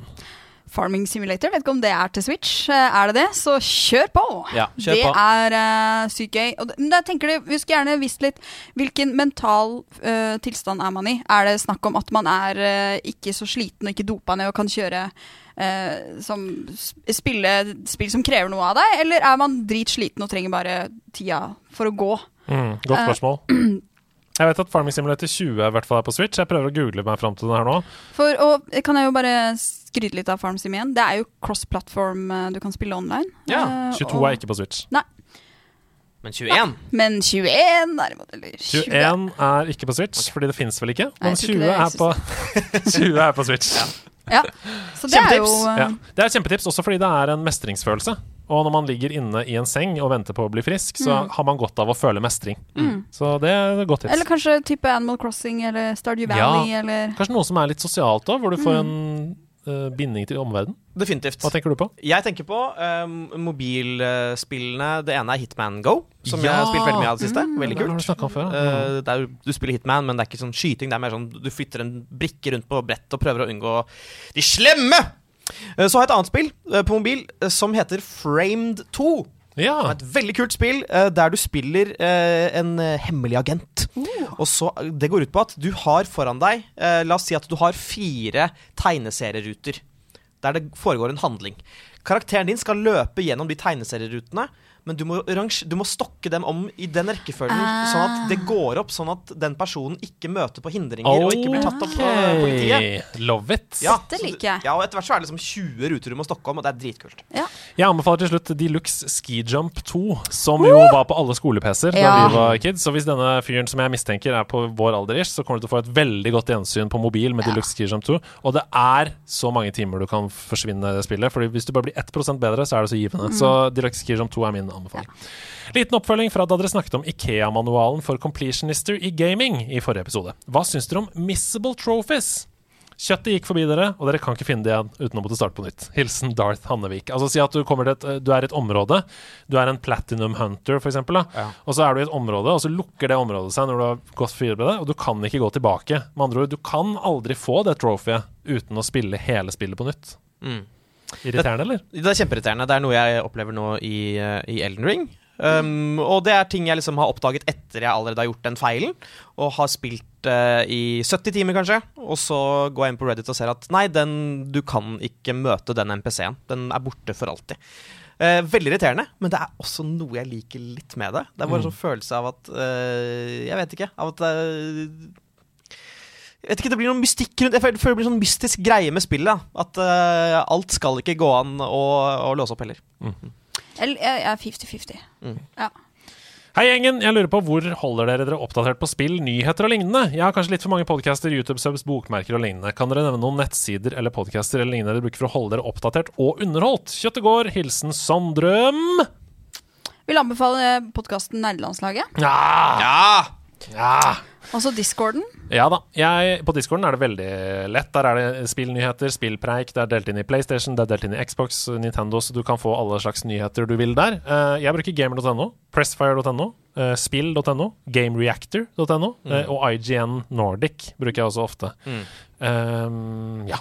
Ja, jeg bruker IGN uh, Worldwide, eller USA, fordi jeg syns de har enda flere Litt sånn raffere. Litt raffere. Ja. Eh, og så er det en spillpodkast som heter Triple Click, som jeg syns er veldig veldig fin. eh, også amerikansk, med tre litt, De minner litt om oss. Det er to gutter og en jente Mm. som preker om spill. eh, og som har karisma og sjarm så det holder, og som alle er eh, liksom de er utdanna journalister, så de er liksom, det det er ordentlig tighte greier Mm. som kommer ut av deres munnhull. Dersom nederlandslaget hadde vært en mafia, hvilke roller hadde dere hatt? Hedo er jo obviously en fixer som tar seg av the dirty work. Eh, kanskje Ida er the dealmaker? Er Hasse the pretty face? I think I'm the pretty face. Hva you tenker know? dere? I'm, I'm, I'm they call me Tony the Snitch. If you want something done, you come to me. Perhaps you can, we can uh, research something out. Okay? Got a fucking problem with me, girl? You looking at my face? Jeg kunne gjort det hele dagen. Du kunne gjort det her hele Du dagen. er jo eh, Det mange ikke vet, er at du er jo en del av en mafia allerede. Så Mm. du har jo drept ganske mange mennesker og Dessverre. Ja. Jeg liker ikke å drepe, men må man, så må man. ja. det er, Jeg må bare si for at det var Sotringen på Discord som har sendt dette. Jeg likte godt at jeg ble ansett som the dealmaker. Det Ja. tror jeg, ja. Jeg har litt lyst til å være the muscle, hvis det er greit. Men jeg vil også være en Jeg tror også at jeg er litt sånn Jeg gjør noen hits, eh, for jeg er eh, utseendemessig forholdsvis søt. Uskyldig. Eh, Ja, du kan lure inn med din kvinnelist. ja, Det er ingen som Det er arsenikk. Mm. Det er eh, Genialt. Ja. Arsenikk og tapetkniv. Kommer langt med det. Ja, så jeg liker at jeg ble antatt at jeg er liksom the, uh, en som gjør liksom the dirty work, på ingen som helst måte. Jeg kan være løpegutten som kjører folk dit og dit og sånn, og, og fikser ting. Jeg, kan, jeg er ikke noen Men da er, du, da er du den personen som har flest hemmeligheter. Ja, ja, Secret. Og jeg er veld, det er jeg veldig god på. Jeg er Ja. Veldig god på å holde på hemmeligheter. Ja. Alltid vært. Så det kan jeg Så gjøre. du er på en måte den som ja, kanskje står igjen til sist, for du vet for mye. Du er Tom Hagen i uh, Gudfaren. Takk for det. Svendsen han spør favoritt guilty pleasure-spill. Kjøttet går for alltid. Hmm. Guilty pleasure for min del. Eh, tja Det føles jo litt som Heartstone er litt guilty pleasure nå. Fordi eh, jeg har spilt det så sinnssykt mye at jeg kan umulig få noe mer ut av det. Men jeg spiller det fortsatt. Min guilty pleasure-spill er Water Sort Puzzle på, på mobilen. Eh, og det føles så innmari idiotisk når tida bare går. Og så er det sånn, ja, hva har du drevet med? Nei, jeg har sortert vann av forskjellige farger. Men jeg liker sånne enkle brain puzzles. Det, det gir meg glede. Det er godt svar. Det er veldig godt svar. Mm. Uh, Flappy Bird. Ja! Jeg syns ikke det er bra. Nei, men det er deilig. Ja. Ja, ja, det er eh, Candy Crush også, for min del. Jeg spiller det masse. Eh, Kvelertaknes han spør Har noen av dere prøvd eller kjøpt Steam-dekk ennå. Nei, det har vi ikke. Har så lyst på det. Har så Veldig lyst på det. Vi Ja. kommer nok til å prøve å få tak i det før vi kan anmelde det og snakke om det her, men vi har ikke prøvd det ennå. Hva kan dere se på i timevis uten å bli lei? Eksempelet mitt er ender. Hilsen Astrobear. Katter. Kattunger. Kjør på. Ja. Bare gønn på. Blir aldri lei. Uh, ansiktet til Adam Driver. Ja. Det er spennende. Jeg syns det er så spennende ansikt. Jeg, kan, jeg oppdager noe nytt hver gang. Jeg svarer generelt utsikt. Hvis jeg f.eks. er på hytta, så kan jeg bare sitte sånn. Men altså, fasitsvaret her er jo den der DVD-logoen som gikk over skjermen Åh! før. Ja, og bare treffer den, gjør det, treffer den, gjør det! Det er veldig bra. Hva kunne vært et bra IRL-basert spill som ikke fins ennå? Kjøttet går, hilsen Ole. IRL-basert det betyr at du må ut av huset da, og gjøre ting i virkeligheten, sånn som Pokémon Go, f.eks. At du må ut og fange Pokémon på gata. Det kunne jo vært gøy om man Altså, jeg, eh, har jo sett ofte på sånn derre Tornado med penger i, som du går inn i på sånn gameshow i USA og sånn, og så skal du fange så mange dollarsedler som mulig, så får du med deg de ut. Kunne man gjort noe lignende med Tetris? At du på en måte var i en vindtunnel, for eksempel, og så måtte du fly sånn wow, wow, wow, wow, wow, og så plassere gosh, ned de forskjellige. er, ikke det noe fett, da? Det er veldig, veldig fett. Ah. ja, ja, ja. Jeg tenkte på sånn der Farming Simulator VR, og så er det sånn Det er, å- er være bonde! Det er så bra at du har spilt så mye Farming Simulator, du klarer ikke å tenke på noe annet. Hver gang jeg går på gata, sånn, så hvis jeg ser en gaffeltruck, jeg bare Å, lurer på hva du skal hente nå. Vi, vi blæste på med et par uh, på. lynrunder til her. Eh, hva er deres tanker om den nye Sonic-filmen? spør Orlando. Noen av dere som skal se den, har du sett den første? Jeg har sett den første. Hva syns du om den? Eh, Forventa det skulle være ganske dårlig. Ja. Eh, og altså, Den hadde jo hele kontroversen med at den var først var animert veldig dårlig, og så fiksa de opp i det. Men eh, det som overrasket meg mest, var at manuset egentlig var ganske morsomt. Mm. Ja. Og jeg syns at uh, han som har hovedrollen til Sonic, uh, har en ganske sjarmerende stemme, så jeg kommer til nok til å se toeren. Mr. Jim gjorde vel en god jobb der også? Mr. Carrie. Carrie, alltid en glede å møte gamle Carrie igjen. Don't get carried away. Veldig bra. Jeg, jeg har ikke noe forhold til Jeg har veldig lite forhold til Sonic, for meg er ikke det viktig. Helt greit. Eh, Siste spørsmål kommer fra IK Sandberg, som sier Hvor mange gram proteiner spiser dere daglig for å holde god gamingform? Og, og for vår del, vi spiser vel bare det vi finner. Jeg, det er helt random. Men- random selection. Ja, ja, hvis jeg finner ting på gata, spiser jeg. Du eh, har mye mer bevisst forhold til dette. Hvor, Veldig. hvor mange gram proteiner spiser du om dagen? Um, altså, jeg spiser jo da tre store bokser med cottage cheese hver dag, og det er jo uh, all, Altså, det er veldig mye proteiner der. Lite fett, lite carbs, veldig mye proteiner. Så jeg, jeg tipper jeg får i meg kanskje 150 gram proteiner eller noe sånt. Og det er nesten skadelig. Det er nesten sånn at leveren min kan bukke under. Så det er bra. Eh, det er så bra, for det er så bosetninger her. Mm, det er veldig sånn. Men eh, eh, ja, nei, vi er Jeg tror vi fikk svaret. Ja, jeg tror vi fikk svaret. 150 gram proteiner for å holde I ren gamingformen. hytteost. Mm. Og det er da 90 bokser cottage cheese i måneden. Tenk litt på det. Det er ikke tull engang. Dere tror at jeg tuller nå? Dette er sant. Tenk litt på det. Ok?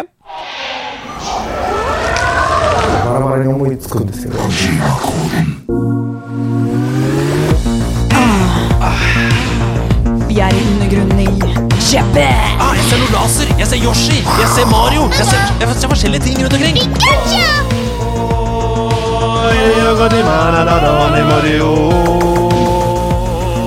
Hideo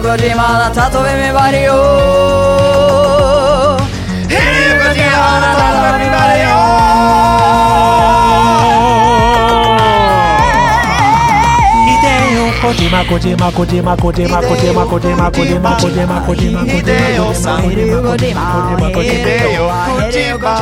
Ja, det er gøy. Vi kan, sitte sånn, vi kan sitte sånn for alltid, men vi må komme i gang med spalten. Nei! Kojima-koden! Og det som er gøy, dere, det er at eh, denne uka så har en viss liten Gran Canarier sendt oss en Kojima-kode med eh, luftpost. Dæven. Og da spør jeg deg, Hasse.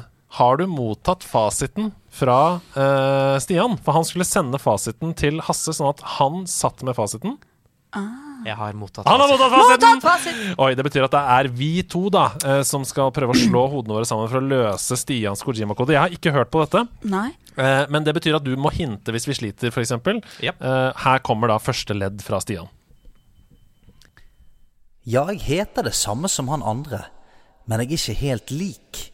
Ja, byen er lik, skurken er lik, men jeg er helt unik. Ok. er. Heter det samme som han andre? Det er, er det noen brødre? Jeg som- heter det sånn, sånn, men jeg er ikke helt lik. Ja, Er det Mario-brødrene? Byen er lik, skurkene er like, men jeg er helt unik. Ja. Er, er vi Vi er ikke Det kunne vært Luigi, ja. Ja, eller Men er, byen? Gotham?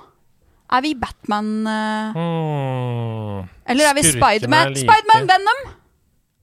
Hmm. Byen er lik, skurkene er like, men jeg er helt unik. Altså, i, i Mario så er jo skurkene like. De er veldig like. Men det er jo ikke en by, med mindre det er i New Donk City, som Ja. er i uh, Super Mario Odyssey. Så jeg tror ikke vi skal til noen by. Da ville jeg sagt landet er likt, f.eks. Ja, Eller verden ja, er er, lik. Ja. Uh, jeg heter Skal vi høre på den en gang til? Fra Ja. starten? Jeg må bare spole tilbake sånn at jeg ikke får ledd to her. Vent, da. Ja, jeg heter det samme som han andre. Jag? Er det Han sier jag, det er veldig rart. Jag Jeg heter Ja, jeg heter det samme som han andre. Men jeg er ikke helt lik. Ja, byen er lik, skurken er lik, men jeg er helt unik. Heter det samme som han andre, men jeg Heter det samme som han andre, ja! Sier han faktisk. Da er du ikke Mario Luigi. Det kan det ja, Men være. heter jo Det er jo Mario Brothers. Nei, men heter det, det må jo være da Heter det samme som han andre? mm, Han andre?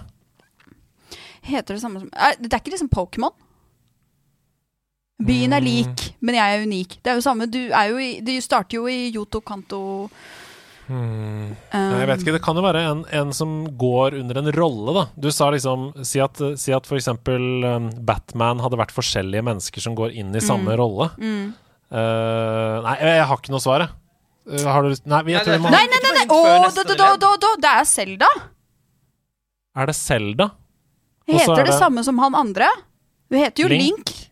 Men, og, og byen er lik, men jeg er helt unik. de er jo, de er jo forskjellige linker i hver da sva Hvilket Zelda-spill vil du svare? Zelda generelt. Ja, Det er jo ett spill vi skal fram til her. Ja, uh, men vi har ikke fått noe hint ennå Bare jeg sagt, hvilket skal ikke fram til et spill, det skal fram til en karakter. Å ja, Ja, det er en Link. karakter vi skal fram til. Link, gjetter jeg da. Link. Det er feil. Det er feil. ok. feil, Da kommer ledd nummer to.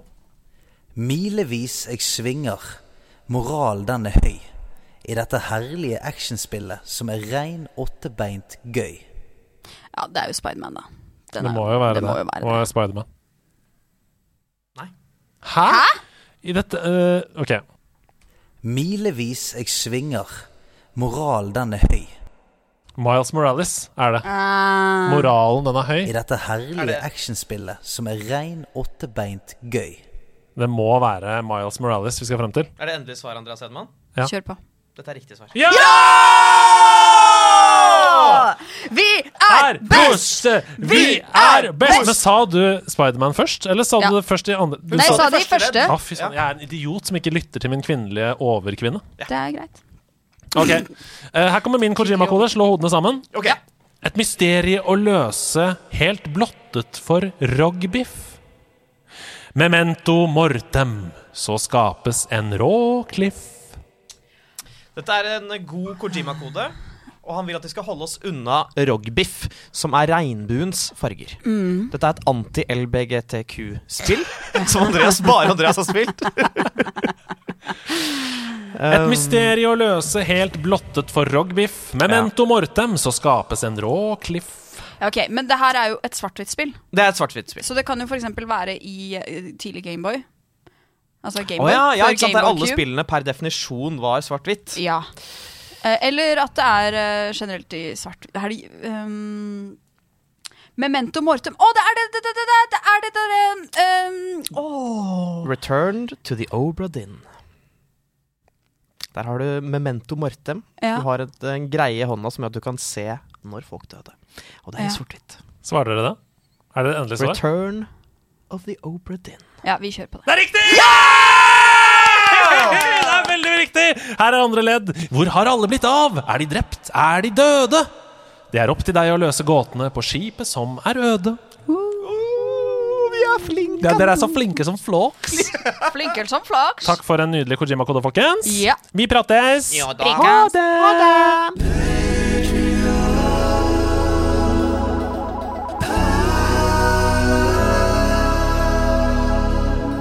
For første gang i historien så er det verken Stian Blipp eller Andreas Hedemann som skal lage og fremføre Patrion-perler. Ah, det er så sjukt! Det er gøy! Ida Dorthea Horpestad har lagd Patrion-perler! Ja, nå har jeg eh, lagt min kjærlighet eh, ned i eh, kreativiteten og, og, og prøvd å skape et eller annet som kan vise våre kjære patrions eh, hvor takknemlige vi er for deres støtte. Da bare øh, gi deg ordet. Her kommer øh, det Du trenger ikke si noe mer, for du har lagd det basert på en slags meme i nederlandslaget, har du ikke det? jeg har gjort det. Ok, her kommer Idas Patrion-perler. Ha med, ha med dag, hey, hey. Ha med, ha med dag. ha med ting etter ditt behag, for det har med dag. Nerdelandslaget, har tatt med gave. Det er bursdagen min, og da er det så fint at alle har tatt med sin fineste ting. Kjenner tårene presse på, lurer på hva jeg skal få. Jeg kan ikke vente lenger nå. For det er ha med dag. Fra Lucivere, en episk kamp i backgammon. Den ene brikka jeg mangla, får jeg av Kim Olsen Sveen. Frode Bratseth og Ole Sudmann har malt et bilde av filet som sitter på fanget til Joer. Jeg sier tusen takk. Andreas Ose har tatt med en pose med jonings i. At jeg ønska meg det, vet han fordi jeg sa det til Hege Naimi. Har vakte samme kake og kakelys, dekorert av Caroline Mys. Ut popper Ole Martin Sætvedt opp og roper bang for buck. Azar, han har kledd seg ut som klovnen Arthur Gulla. Frank Lindestad blir redd, men vet han bare tulla. Der Skravningsmyr har tatt med Shiny Orlando og en Geshin level 42. For jeg er kannis, Ingen rocker med skropel og sniker meg med i dansen. Også i Gronas har med dansematte til alle. Jeg regner med hårrot er sulten nå, så ta deg en Totenbar. Sofia en bakke sa det smakte bra. Jeg tar en halgen bar. Herman Kvinsland, du er min mann. De oss som vil, bare tar det chill. Trond Ryen bare ler seg. Linda Riel, nå skal vi se hva Geir Håkon er med. Han har tatt med seg Nintendo Glitch Q. Eilif Helmen skal få prøve først ut, du. Den største gaven får jeg fra Sondre Avaldseth. Gavepapiret har mønster med fjeset til Magnus Lagert Wilhelmsen. En samlefigur av Bergskås fra The Adventures of Christian. Jeg blir helt Dr. Emotional her, ja. Tårene kommer nå. Simen Rognskog og Freda, dere kan ikke toppe det, da. Men Mats Kulstad annonserer Vi er ikke helt ferdige ennå. Bjørn Thorsen kaster et lurt blikk på Stubbis 92. Nikolai Granske sier én, to, tre. For det jeg har med Dag. Martin Lone Duland, hei, hei, kommer rett fra Japan. Har med Brett og The Wild Two. Min drømme har med Dag. Ja! Ida, Ida, Ida, Ida, Ida, Ida. Ja! Han er Brett og the Wild Two. Min drøm er ha med deg. Utrolig bra jobba! Tusen hjertelig, hjertelig, hjertelig takk. Å, det det var veldig så- gøy. veldig gøy å lage. Det blir nok ikke siste gangen det kommer noen Patron-perler fra meg. Mm. Det er så deilig, og det er så gøy å se også at uh, Og det er digg å slippe å ha det ansvaret. Fordi Ja, ja. jeg kan bare gi det over til hvem som helst. Det kommer til å gå kjempebra. Uh, gleder meg til vi skal få høre din uh, Ja, hva skal jeg si? Når du skal uh, rappe en slags uh, Patron-perle, for eksempel. Vi legger lista der, ja. Ja. Ja, den er god. Da gleder jeg meg til det. Veldig bra jobba, Ida, og tusen, Tusen takk, takk. for uh, at dere var her nok en gang. Eh, Takk for at vi fikk være her. Tusen takk for at dere ville være her. Vi driver og rullerer internt, og det er jo sånn at eh, noen må rope ut at eh, jeg vil gjerne gjøre det, og det gjorde dere. Det er litt sånn at de som Andreas liker best, får lov å være med denne uka. Ja, det er jo det. Vi er sånn rating Alle de andre score. gangene så kan ikke vi, nemlig. Det er derfor de andre er med noen ganger. Ja, det er sant. Det er veldig sant. Tusen takk til deg som hører på også. Hasse, har du lyst til å rappe opp med noen velvalgte ord? Ja. Folkens, nå går vi inn i en spennende tid sånn værmessig. Jeg har ett tips til dere. Skaff dere en boblevest, og dere kommer til å ha en fantastisk eh, slutten av mars og starten av april. Perfekt mengdeklær. Ha det bra! Ha det!